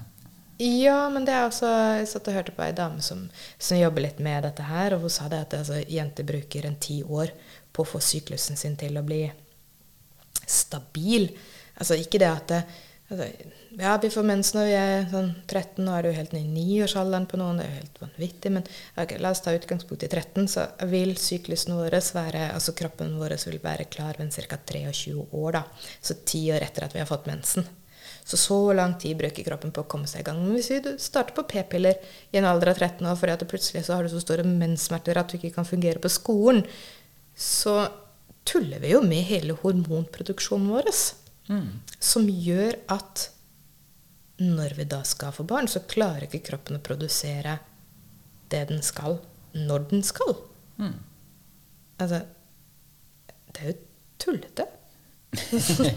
Jo, men det er jo veldig eh, komfortabelt å eh, slippe å gjøre ting, kan jeg tenke meg, og ha blødninger og sånn. Men det, hvis du ser på mann òg, så er jo det eh, problematisk der. Testikkelstørrelse går ned, og eh, vanskeligere å lage barn, og Ja. mye. Ja. ja, altså Jo, man kan jo altså, Ja, det er ikke hvordan man har det, det er hvordan man tar det. Så hvis man vokser opp i et samfunn som sykeliggjør mensen, så lærer man jo at mensen er ekkelt. Altså Det er vel litt sånn vi har det, ikke eh, Jo. Det er noe unødvendig vi ikke skulle hatt. Ja, så er det litt sånn plagsomt fordi at vi kvinner vi blir slappe, vi blir hormonelle. Men det er jo bare ubalansene våre. Altså, det er jo helt vanvittig. Altså, vi, skal, vi, ja, vi sykeliggjør oss sjøl, eh, og vi ser på mensen som en negativ ting istedenfor å faktisk Du er en kvinne. Hallo, du har en livskraft. Du, kan, du er et superhuman. Du kan faktisk bygge et menneske inni deg. Istedenfor å gjøre mensen til noe ekkelt, så går det faktisk an at det, vi endrer mentalitet. Ok, vet du hva? Mensen. Kult! Nå skal du lære å kjenne kroppen din og din egen syklus. Forstå kroppen din. Når er du mest produktiv? For vi kvinner vi er jo mer produktive i en del av fasen, og neste del av fasen er vi bare Hjernen tenker litt annerledes, ikke sant. Så det er så mye som spiller inn. Men, men hvis vi heller kan jobbe med Mm. syklusen vår altså Dere gutter, vi snakka litt om det i stad, men dere har liksom bare den rette linja, mens vi liksom wow. Ja. ja. Det her vet du mer enn meg om, tror jeg. Ikke sikkert, Nei. men uh, jeg bare syns også ja, at det er litt interessant. For det er jo mange uh, jeg jobber med som ikke har menstruasjon, og klarer ikke å få den tilbake igjen, og slutter på uh, p-piller, og så er det en ubalanse, og så har de mye vondt der, og så må vi ordne opp i det. Og så får vi ordnet opp i det, og så får de en liten sånn aha-opplevelse med Å ja, men jeg trodde det skulle være vondt hele tiden, jeg. Eller det skulle være sånn og sånn. Ehm, og det er et par stykker som også begynner å fortelle at eh, de har satt pris på at syklusen er der, istedenfor å tenke på at det er en irriterende greie som dukker opp. Og det har jo noe med også hvordan man er innstilt på Ja. det, men også se at uten de tingene så eh, har ikke menneskeheten et sånt stort håp. Og da må vi bruke eh, mye andre teknikker for å klare å få til å forplante oss. Ja. Altså, ja. Jeg husker når sønnen min var kanskje Han var under året. Og da var det sånn bilde fra et eller annet på Facebook hvor de da skulle begynne å gro mennesket inni en liten kuvøse. Og, og da, da Jeg husker at jeg begynte å grine. Altså, det er hårreisende. Altså, det umenneskelig. Fordi at det, ved 16 uker så kan barn allerede høre mor. De er omsvøpt i en varme og en kjærlighet uten like. Og så skal vi plutselig, fordi vi har kødda med naturen, så skal vi liksom bare legge det inn i en plastboks. Og da skal de vokse og tro at de får Nei. Nå hørtes dette ut som en sånn film som jeg har sett som heter Matrix. Ja. Ja, ja. Der vi bare ligger oppi en sånn liten blump. ja. Jeg så det var en russisk eh, eh, En russisk russiske kvegbønder, heter det. ja, de har også De satte på sånn VR-briller på kuene, sånn at de kuene sto på bås, men oppfattet at de var ute. Og da produserte de mer og bedre melk. Og eh, da tenkte jeg Er ikke det veldig motsatt av hva vi egentlig skulle gjort? Skulle ikke bare sluppet de ut, eller latt de være ute på eng og gjort de tingene? Og da blir det også litt sånn der eh, Matrix. At du står der og har VR-briller på, og alt er helt topp, og så, Det er så er det egentlig ikke. Nei. Så det er jo mange sånne gode oppfinnelser, men jeg tror ikke alt er så godt, godt uh, gjennomtenkt på hva er konsekvensen fremover. Nei, men det er jo helt vanvittig at uh, da en hel nasjon bare fremmer disse tingene istedenfor å bare la oss stoppe opp, tenke litt, ta noen steg tilbake. Hvorfor Hvorfor skjedde alt dette her? Ja. Ja, nei, det er helt Det, det, det er, sånn, det er viktige spørsmål. Det er veldig viktig spørsmål, og veldig viktig ser det ut som Jeg tror det var Sveits at de må få en lov der det ikke er lov å kutte hårene på, på storfe. For at de kutter hårene sånn at de kan stå tettere og ikke skade hverandre. Det føler jeg også er litt sånn rart at vi må lage lover for, istedenfor Ja. at eh, de skal ikke stå så tett. Ja. Ja, Det- nå ble det ja, veldig mørkt og trist. ja. Men tilbake til de her eh, antilopene i, Ja, eh, ja. i eh, fullmåne. Ja. Jeg så på Netflix dyreprogram. ja. Jeg lurer på om det er han er Hva er det? Nei, jeg vet ikke. Jeg- Han er som alltid er på de her dyreprogrammene. Eh, Han har behagelig stemme. Ja. Bar, ball. ja. I hvert fall. Da har de fått en ny teknikk så de kan filme om natten. Så de gjør sånn at du kan se hva som foregår. Så istedenfor at du trodde at alle lå og sov om natten, De er veldig aktive. så er du full baluba ute Ja. på sletten der. Ja. Og det er jo det med en gang det er fullmåne òg, Ja. Så er jo eh, kattedyrene og de andre eh, jegerne Ja. ute og jakter, Ja, for da kan kan de se byttet. ja, ikke sant? Og da sant? må den andre gjengen være mer aktiv og mer på vakt. Mm, Eh, og når det da ikke er fullmåne, så er de mer rolig og kan slappe av. Mm. For dette er ikke denne faren for å bli spist midt på natten. Ja, ikke sant? Og det var jo kjempegøy. Og det er jo sånne ting vi ikke har tenkt på før, for vi har aldri filmet om natten. Nei, nei. Og altså, da ville mange sagt ja, men vi mennesker vi kan ikke se så bra om natta. Og så kom jeg på Jeg bodde i USA, og jeg bodde på helt nord i California, eh, på en sånn liten ranch. Ja. Takk. Eh, og da Altså ranchen, eller hovedhuset, var på toppen, og jeg bodde liksom nede på bunnen, og vi måtte gå på en lang bakke. Det var bjørner og mountain lions. Altså det var, det var skummelt. Det var det. Men eh, det å skulle gå opp fra der jeg bodde, opp til hovedhuset midt på natta Det var ikke noe lysforurensning eller noen ting. Det var helt mørkt. Ja. Og jeg husker at jeg sa, sa til det jeg gikk med, vet du hva, jeg ser ingenting. Altså, jeg, jeg hadde ikke et nattsyn. Nei. Det var helt sykt. Altså, for meg så var det helt mørkt. Og, ja, man bruker jo litt tid på å tilpasse seg, og de sa ja, bare vent, la oss Vi kan sitte ute i en halvtime, og så kan du se hvor mye bedre du er. Men etter et år Ja. med dette her, så så jeg helt vanvittig bra i mørket. Yes. Så dette her vil jo også kunne utvikle seg. Altså det er litt sånn En sans som du ikke bruker, vil heller ikke utvikle seg. Nei. Men hvis du da bruker sansen din, så vil den bli sterkere. Og det var jo nattsynet også. Det er jo en sans vi har. Ja. Så vi er jo fantastiske mennesker. Jeg tror jo bare det at eh, det er ikke så grådig innviklet. Det er bare kroppen gjør det du ber den om å gjøre. Ja. Og så har vi også en innebygget greie der kroppen hele tiden prøver å bruke minst mulig energi på å få noe til. Ja. Og da må vi være så lur at vi utfordrer den til å fortelle hva er det egentlig vi vil. Ja. ja, men så er det litt sånn altså Det er jo den utfordringa. Altså, hvordan kan vi skaffe mat på eh, smartest mulig måte? Så da bruker vi jo hjernen til at okay, vet hva, de er mer aktive på fullmåne. Ja, men da er det lurt at vi går ut der og da. Ja. Men vi har jo fullmåne hele tiden i matbutikken. Så vi slipper å Ja. Vi kan gå hele tiden. Ja. ja. Hadde jeg ikke vært så innmari glad i komfort Det er jo det vi liker. Vi liker å ha det bra. Ja, jeg liker det. Jeg liker å ha det rent rundt meg. Jeg liker å ha det ordentlig. Er det ok her inne? Du hadde det veldig ryddig hjemme. Altså, jeg må, jeg må nå rydde. er det litt rotete, jeg bare sier det. Men så ryddet vi litt ekstra, for dette har vært litt mye besøk og litt sånn oppussinger. Ja, ja. Nei, jeg vil si at det er ryddig her. Takk. Men jeg må ha det ryddig for å kunne tenke. Ja. Sånn var mamma. Ryddig sånn utenpå og ryddig inni. Ja, ja. Ja. Så, så hadde det ikke vært for den komforten, så altså jeg kan godt like å tenke med tanken på at eh, ja, gi meg en hule, så jeg hadde tatt utfordringa. Altså, Ja. det hadde jeg syntes hadde vært veldig gøy. Ja. Ja. Det er litt av den komforten, da. Ja. ja. Eh, men når du, også da når du gikk rundt i skogen og brukte et år på å få til å se litt bedre på natt, så er jo det litt interessant på veldig mange måter. Men vi har jo også eh, fått eh, mer energisparende og eh, billigere lyskilder i gatelykter og Ja. overalt. Og inne i hus, men det kan vi velge sjøl, men det kan du ikke ute. Og nå begynner høsten å komme. Ja. Så når du ser f.eks. i Sofienbergparken, Mm. som er her borte ja, den visste jeg faktisk hvor var. Gjør du? Ja, ja. Nydelig. Ja.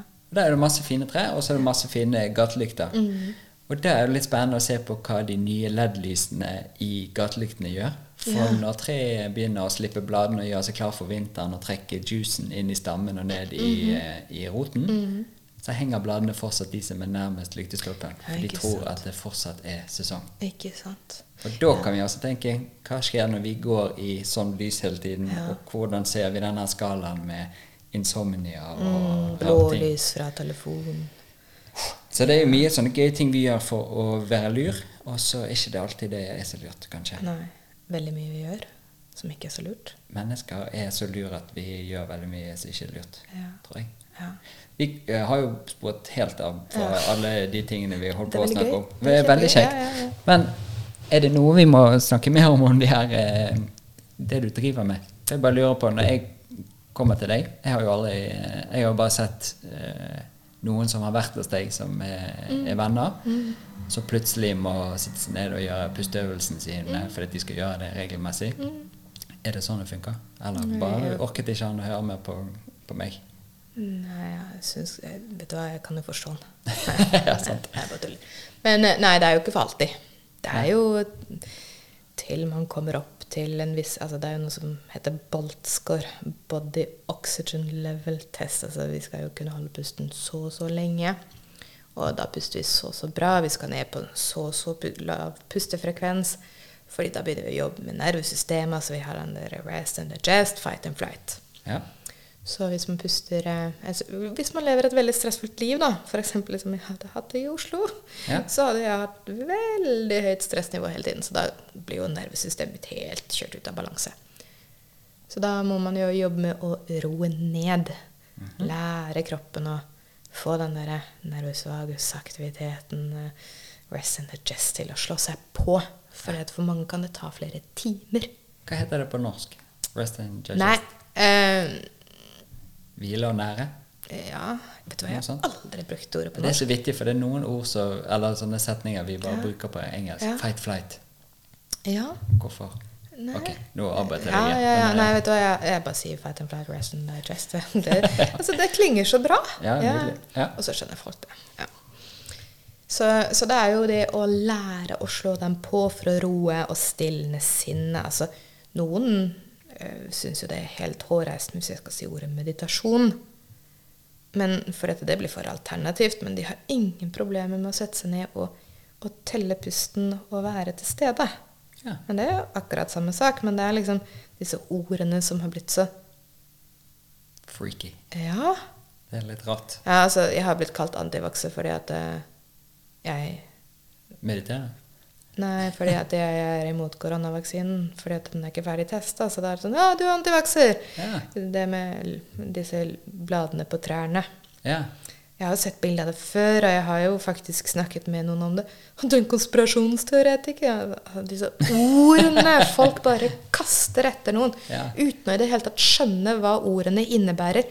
Fordi de ikke evner til å sette seg inn i noe. Det også en digresjon. Altså, Ja. Jeg har kameraten din som busta Nei, man må ikke alltid sette seg ned og gjøre øvelsene, men i en viss periode så må man det. ja. For å få de resultatene du skal. Ja. Hvis du vil endre det. Hvis du vil endre Det er det viktigste. Altså, du må ville det.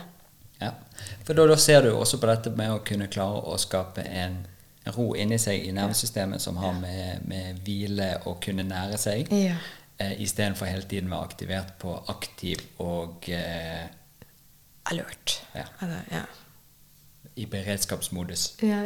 Ikke sant? God på norske ord. Ja. Jo, eh, men altså, dette her med søvn Altså, hvis ikke du puster bra, så sover du ikke bra.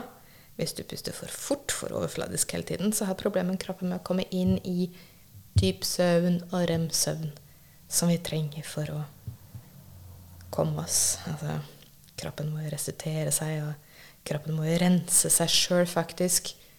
Og det gjør den jo i dyp søvn og rem-søvn. Så, så det er mange som ikke har det. Altså, de kan sove i ti timer og bare åh, må jeg stå opp nå, liksom? Ja. Og våkne opp uten å være uthvilt. Ja, og det er noen av disse yogiene. Altså, høres ut som jeg er helt frelst på yoga, men det er, det er bare sykt fascinerende. Men noen av disse her som kan ha ett og to pust i minuttet For det er noen som er så ekstreme òg. Altså, de trenger å sove to-tre timer i løpet av en natt for å være helt uthvilte. Altså, da er de i dyp modus lenge. Oh, ja.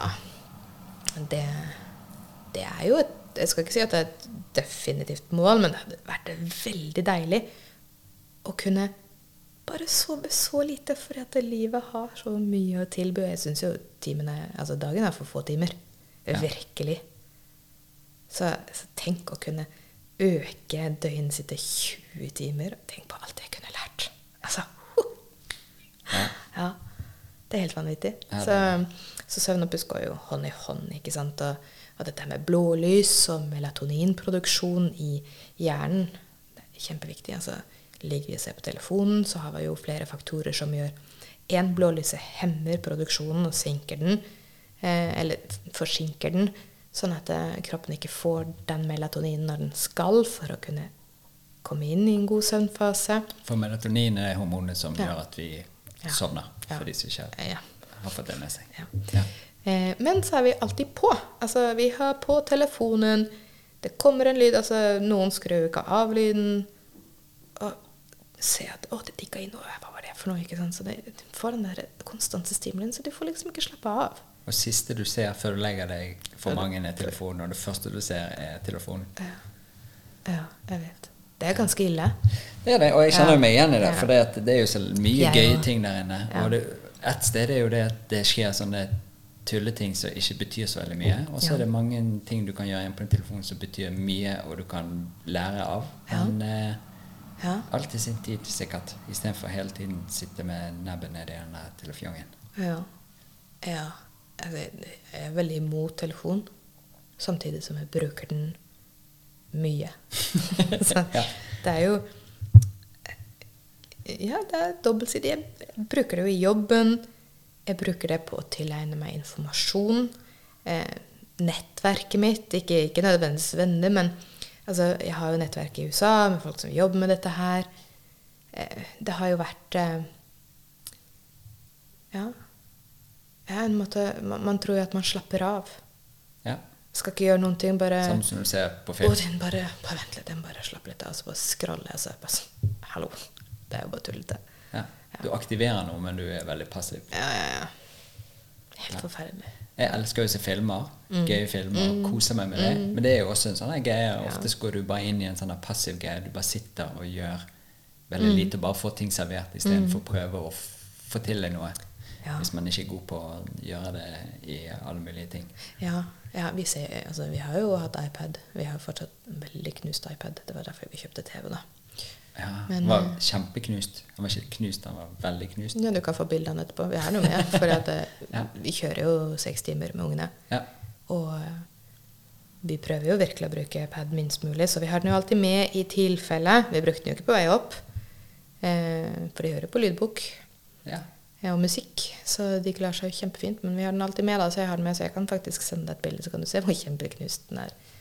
Men, øh, så vi har sett på serie, og det, det jeg egentlig har kommet fram til personlig, da, er det at det, det er en virkelighetsflykting fra, fra det. Ikke at det, livet er så kjipt, det det. Er ikke det.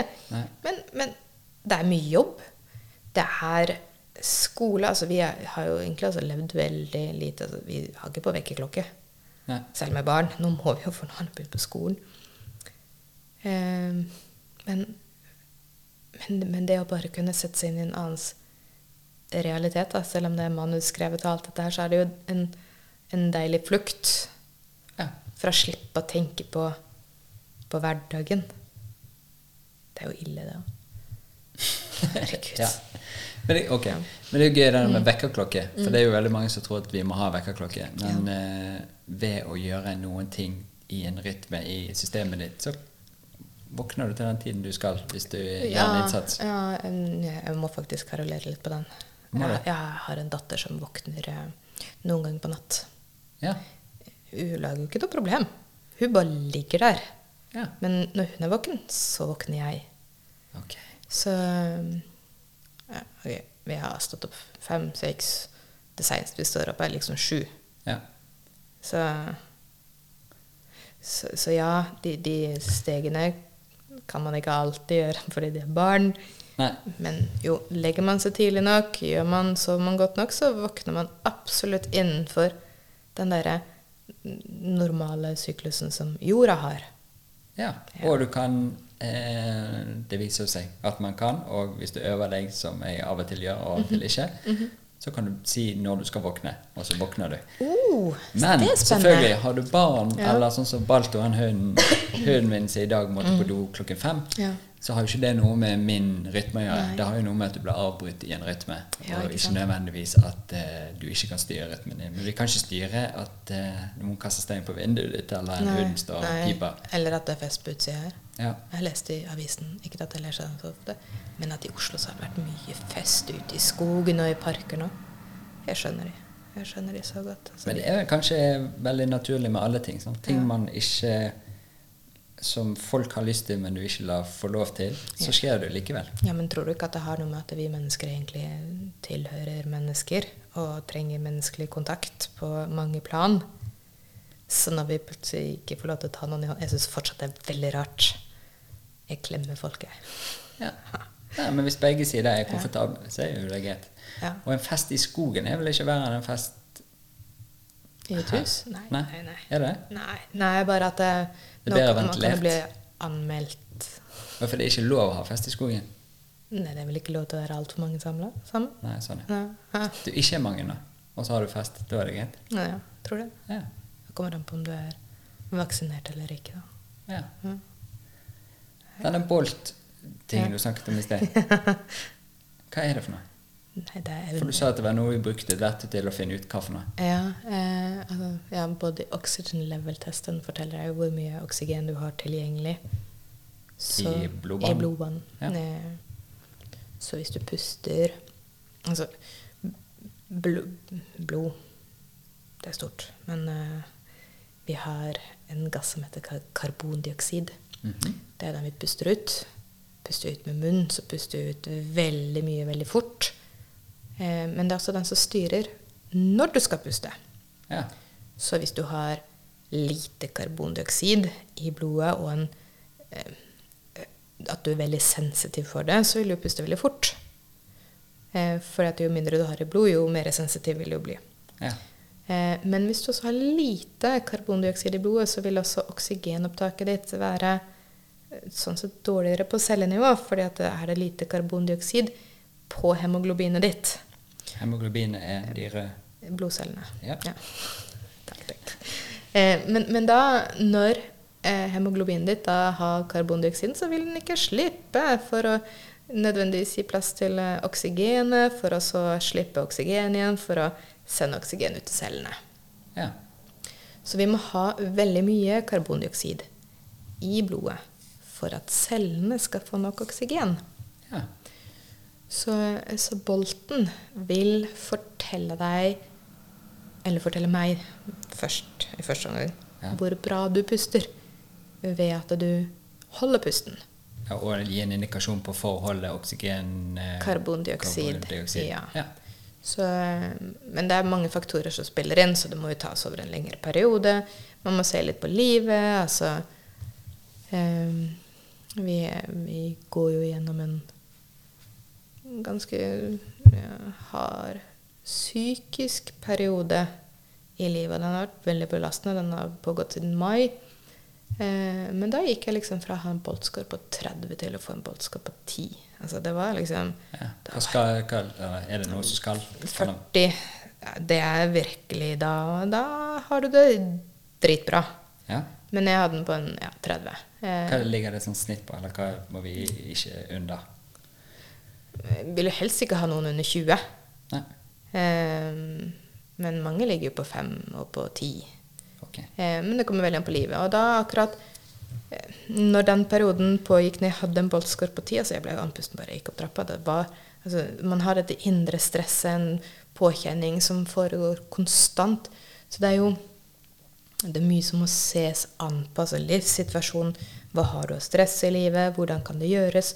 Hvordan kan du lære å deale med stress? Og så videre. Og så plutselig, når du da får det overskuddet, så kan du sette det ned og eventuelt gjøre det. Så det er jo mange klienter jeg sier bare, vet du, hvis du må flytte nå, så tar vi det etterpå. For det er ikke noe vits i å starte med dette Det er her og mange variabler rundt deg for øyeblikket. Veldig, veldig. Og så er det noen som ikke Ja, som, som ikke finner tiden, da. Mm. Så, så det er mye som spiller inn, og det er mye som må gjøres. Men, men når du får det til, altså når du bare kan sette deg ned i ja, La oss si maks en time om dagen, så er det så verdt det. Ja. Men da må du være tilgjengelig. Og da er det dette du skal prøve å gjøre med å ikke puste for mye med munnen og Ja. puste med nesen. Og. ja, puste dypt i brystet. Er det nei, derfor magen. eh, veldig mange idrettsutøvere har eh, pusteproblemer? Eller? Ja. De Spesielt puster- vintergjengen. Ja, de puster for mye. For mye med munnen. Alt tørker ut. Ja. De hadde hatt kjempegodt av å lære seg å puste skikkelig. ja. Ja. ja. Jeg så et sånt triks med um, en del langrennsløpere når eh, rett før bratte bakker Mm. så hyperventilerer de Mm. for å få inn oksygen og få ned sånn at ikke melkesyren kicker inn. Ja, eh, ja. Og da finter de eh, syrebalansen i kroppen. ja, de gjør jo det. Altså, du har jo det biokjemiske i blodet ditt. Det er jo, du endrer pH-en i blodet ditt. Mm. Eh, det med å hyperventilere, da setter du kroppen rett inn i en fight or flight. Samtidig som du eh, får veldig lite karbondioksid. Så du, du tømmer jo kroppen din. Men det betyr også at cellene dine ikke får oksygen. Ja.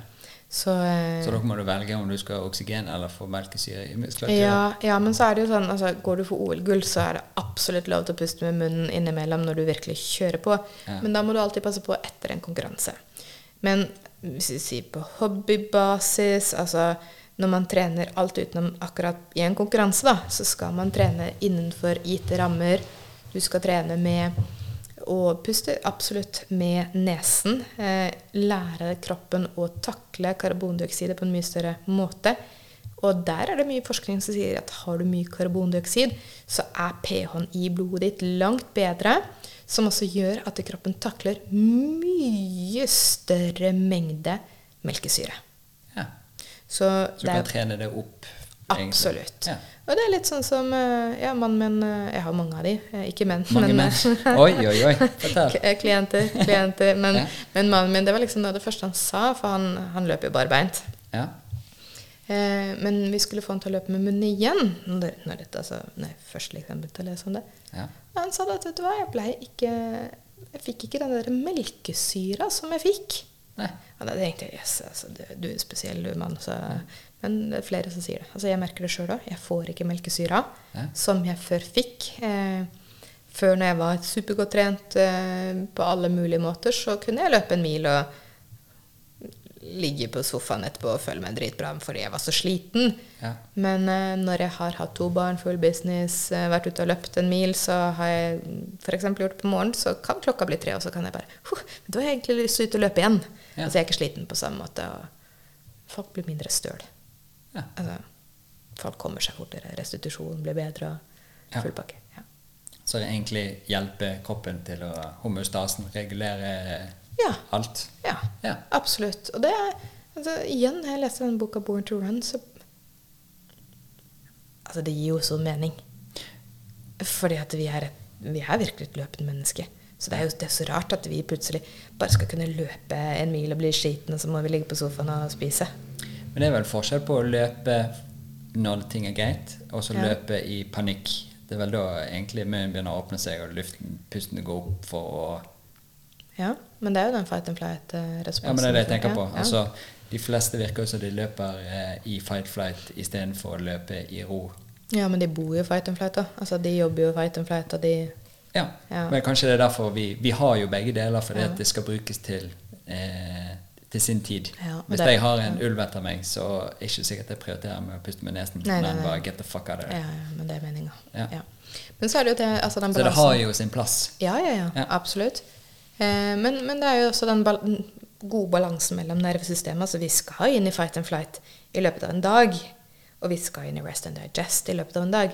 Men fight and flight skal komme av en eh, guttelek, la oss bare si det. Altså utfordre hverandre litt og løpe litt og jakte litt. Altså fight and flight. Altså ligger du ute i skogen. Idrett, Idrett, ja, ja. Jeg tenker back in the days, ja. Ja, sånn. Ja. Eh, altså, vi skal ha den derre av og på, av og på hele veien. Men vi skal ikke bare være på, Ja. eller bare være av, for da er det en ubalanse, så vi må komme i balanse. Selv i nervesystemet. Ja. Det er så viktig. Regulere sensorene litt. Ja, ja, ja. Ja. Utfordre kroppen. Ja. Det vil gjøre oss bedre, sterkere. Ja. Alert.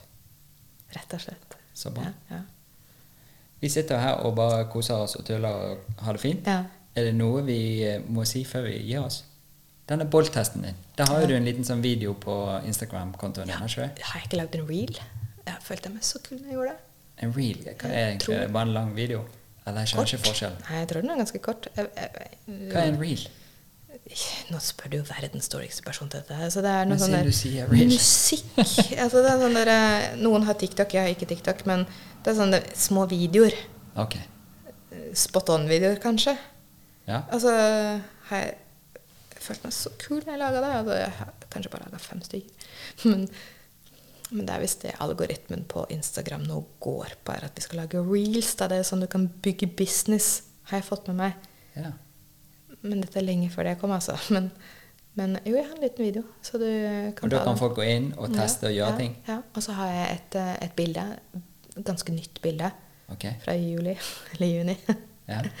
hvor det står litt. Eh, og da står det også hvordan du kan ta den, og hva du skal Eller da spør jeg så fint. Hva ligger du på? ja, ok. Mm, Snadda. Har du det på nettsiden din nå? Nei. Nei. Nei. Hva heter nettsiden din? omft.no. omft.no. Ja. ja. Nydelig. Veldig. Veldig fint navn. Når vi slenger ut denne episoden, så hiver vi på eh, nettsider, sånn, så folk kan finne ut av meg. Er det noe annet du mener at eh, jeg burde visst, eller de som hører på, burde visst? Mm, Så ikke har vi vært innom. Vi har vært innom mye rart her. Kutt ut pute og slutt å drikke kaffe. Ja. Bare sånn, to, to tips. Og teip munnen på nett. Det er sånn. For alltid. Nei, ikke Teipe med en, hva vil det si? Ta en sånn teip på munnen, sånn at du ikke kan puste med nesa. Nei, med munnen på, på natt. Ja. Og gjør du det resten av livet, da? Nei. Um, For kroppen begynner til slutt å fikse opp i det? eller? ja, altså det handler jo litt om hvor tunga ligger, og ligger tunga på plass, så vil jo ikke kjeven falle ned, men, men det er jo mange som ikke vil trene hos meg. Og da er det sånn, vet du hva, det er teip munnen, du. Altså, det Ja. funker veldig bra. Det vil ikke søvnkvaliteten hos mange. Men da er det egentlig støttehjul du tar på? Ja, absolutt, men eh, for mange så kan støttehjulet være godt nok. Ja, så bra. Og da skal ikke jeg komme her og si noe annet, selv om jeg som person skal finne ut av alt. Ja. Så kan jeg ikke forvente det av alle andre. Så teip på munnen er veldig bra, men start på dagtid gjerne, sånn at du blir kjent med teipen. Altså, jo mer du puster med nesa, jo mindre tett vil den bli. Hvis du er veldig mye tett i nesa, så er det fordi du puster veldig mye med munnen. Ja. Så ja. Kutt ut hodeputa, slutt å drikke kaffe, og teip munnen. Drikker du kaffe? Nei. Eller jeg Og du har ikke hodepute? Mm, jeg har bitte liten. Jeg, har, jeg hadde en dunpute, men jeg har tatt ut nesten alt dunet. Så jeg ligger veldig mye på sida. Så det er liksom bare for den lille støtta på sida, men ikke lenger på ryggen eller Nei. på magen. Hvorfor har du sluttet med det? Én, det er jo ikke noe bra for nakken. To, det er ikke noe bra for luftveiene. Tre, kroppen trenger å strekke seg litt ut i løpet av en natt. Så, så ja, det går litt mer på den derre Det er ikke så bra å ligge sånn med nakken hele, hele natta, så Nei. kutt den ut og strekk ut nakken og litt sånne ting, da.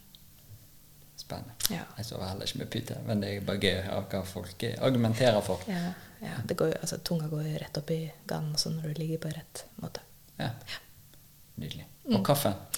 slutta vi med når første nedstengninga kom. Rett og slett fordi vi var litt sånn avhengig, det var litt sånn kjedelig, å måtte våkne opp. Og så klokka ti og klokka to, da var jeg alltid så trøtt. Og så husker jeg at jeg liksom bare Når klienten var ferdig Å, jeg må forte meg ned og ta en kaffe, for jeg måtte liksom være våken. Ja. Men pff, kutta ut kaffen. Jeg var jo drittrøtt i en uke. Altså, jeg var så sliten. Jeg måtte sove de første dagene. Jeg måtte sove to ganger om dagen, og så én gang om dagen. Og jeg hadde litt hodepine, jeg var litt sliten, jeg var trøtt. Men etter det så kommer klokka ti, og så er jeg ikke noe trøtt. Og så kommer klokka to, og så er jeg ikke noe trøtt. Og så, så jeg er ikke noe trøtt lenger. Altså, jeg ble trøttere av å drikke kaffe. Ja. Jeg ble Du lener deg på en stimulant istedenfor å være uthvilt og, ja, og giret. ja, og så er det litt det med nervesystemet, det at hvis du er mye i fight and flight, så hjelper ikke kaffe noen ting. Og så har du litt med altså, Når du drikker kaffe, så, så gir du jo en liten sånn ubalanse i blodet ditt òg. Kroppen skiller ut mye mer kalsium. Det er jo ikke noe bra. Altså, det er jo til og med bevist at du får mer eh, sånn muskelsammentrekninger, ikke på en sånn positiv måte, av å drikke kaffe. Tømme det kroppen for magnesium ja, det gjør den òg. Det gjør munnpustinga, forresten. Ja. Ja, ja. og stress. Ja, ikke sant? Altså, magnesium viktig. Kjempeviktig. Bade i havet. Ja. Veldig viktig. Vi har Bor du ved havet, du? Ja, vi gjør det. Okay. Har du vært på denne restauranten? Nei. Nei, jeg har bare vært på. Jeg har padla rundt. Du var ikke en av de som hoppet naken og tullet foran? Nei, nei, nei. nei. Mannen min har frydykka foran der. Ja. Ja. Men øh, nei, vi har ikke vært der. Nei. Jeg har planer, da, men det er, det er veldig dyrt. Ja. En opplevelse. Ja, jeg vet. Kanskje det er å reise på ferie nå? Ja, ja men vi har ikke, altså, vi har ikke barnevakt. Okay. Nei. Nå finner du bare problemer. Nei. Det ordner du. Nei, det kommer. Ta med barnet. Har ikke de barnemeny? Vet ikke. Er du barnløs? Ja, jeg har en hund. ok, men, Ja. ja, men vi, kan, vi kan ta den samtalen hvis du skal ha barn. Ja. Så tar vi den når de er fire og seks år. Den er god. Ja. Da kan vi ta den samme samtalen en gang til. Skal jeg invitere deg med på Under? Jo, takk. Mm. Jeg kjenner jeg gleder meg allerede. Ja, det er noen år til. Ja. Så ja, men vi, vi kan gjøre det da. Så skal vi se hvordan du stiller deg til det å ha med barn på en sånn restaurant. ja. Ja, men det er flott. Ja, mine barn er ikke dresserte på samme måte som man kan snakke til en hund. Nei. Nei. De er en del av meg, ikke sant? Så oh, ja. den counter Ukontrollerbar. Ja, dattera mi i hvert fall. Altså, det, Ja, okay. det er en jente med futti. Ja, Ja, men det er fint. Veldig. Og det, vet du hva, det er kjempebra. Det kommer til å bli en så bra jente. Det kan bli noen utfordrende år som forelder. Skal ikke det være det, da? Det hadde jo vært behagelig å ikke hatt det.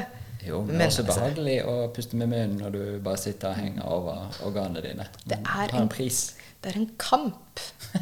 Hun lå her på badet. Livet er jo en kamp. Nei, men altså, den jenta her, hun lå på badet og hylgrein. Og jeg mener hylgrein, fordi at det var ingen som fant klær til henne. Å ja, men det kan jeg forstå. Ja, ja nei, så det er altså, Vi skal liksom la hun få lov til å være hun, samtidig som vi ikke skal skjemme henne bort. Men altså, vi skal jo ikke drepe personligheten med de normene som mange har satt at foreldrene skal ha dressur på barna sine. Nei. Altså, vi skal ikke drepe sjelen deres. Vi skal liksom prøve å leve La de være dem, da. Ja. Ja, Men også forstå samfunnets struktur. Altså, du spør meg på en feil men altså for min del så kunne jeg bare meldt meg ut av samfunnet. Altså jeg Ja, men Du har lyst til å starte ditt eget samfunn, har ikke du? Jo. Ja. Men, men dette Så i, de, ja. i flokken din, eller Ja. den nære, Ja, nære gjengen din. Ja, men det lærer de jo av seg selv. Men, men saken er det at det, vi forteller liksom barna våre så at det, Sitt fint. Ikke prat sånn. Spis sånn. Spis opp maten din, så skal du få en is. Altså, det er mange sånne ting som, som er med på å endre et, et barn. Altså, for barn er så tilpasningsdyktige at vi kan dempe en del av dems vilje. 'Å, nå må du være forsiktig. Du kan ikke holde på med å gå sånn ut i naturen. Du kan ikke hoppe fra den steinen, for da blir jeg redd.' Altså, vi gir jo barna våre traumene videre, og det er veldig vanskelig å skal prøve å holde tilbake sine egne traumer for å la barnet utvikle seg. Så, så Eira, min datter, da, hun har jo en sjel med en gnist i, uten like. Og da er det det skal bevare den her best mulig, sånn at hun får den fighter-viljen som hun har, da, uten at det, mine traumer skal få lov til å dempe henne. Ja. Utfordrende. Ja. Så vi snakkes om noen år. Hm? Det er fint, det. Mm. Jeg setter enormt stor pris på at du eh, møtte opp live. Ja, det var og at du eh, gjorde det på en søndag. Ja, jeg, jeg tenkte faktisk mer på deg. På sånn, ja, mange er jo ute og har masse selskap på en søndag, nei, på en lørdag. Så jeg tenkte ja, ja, det er sport deg hvis du gjør det. Jeg har jo barn og skulle gjøre det uansett. Ja, ja. Jeg elsker jo å snakke med folk, så det er jo det helt perfekt. Ikke sant, ikke sant. Tusen takk for at du kom, Det var hyggelig. og så uh, ses vi igjen snart videre. Det gjør på, på Under. på under. Her kommer you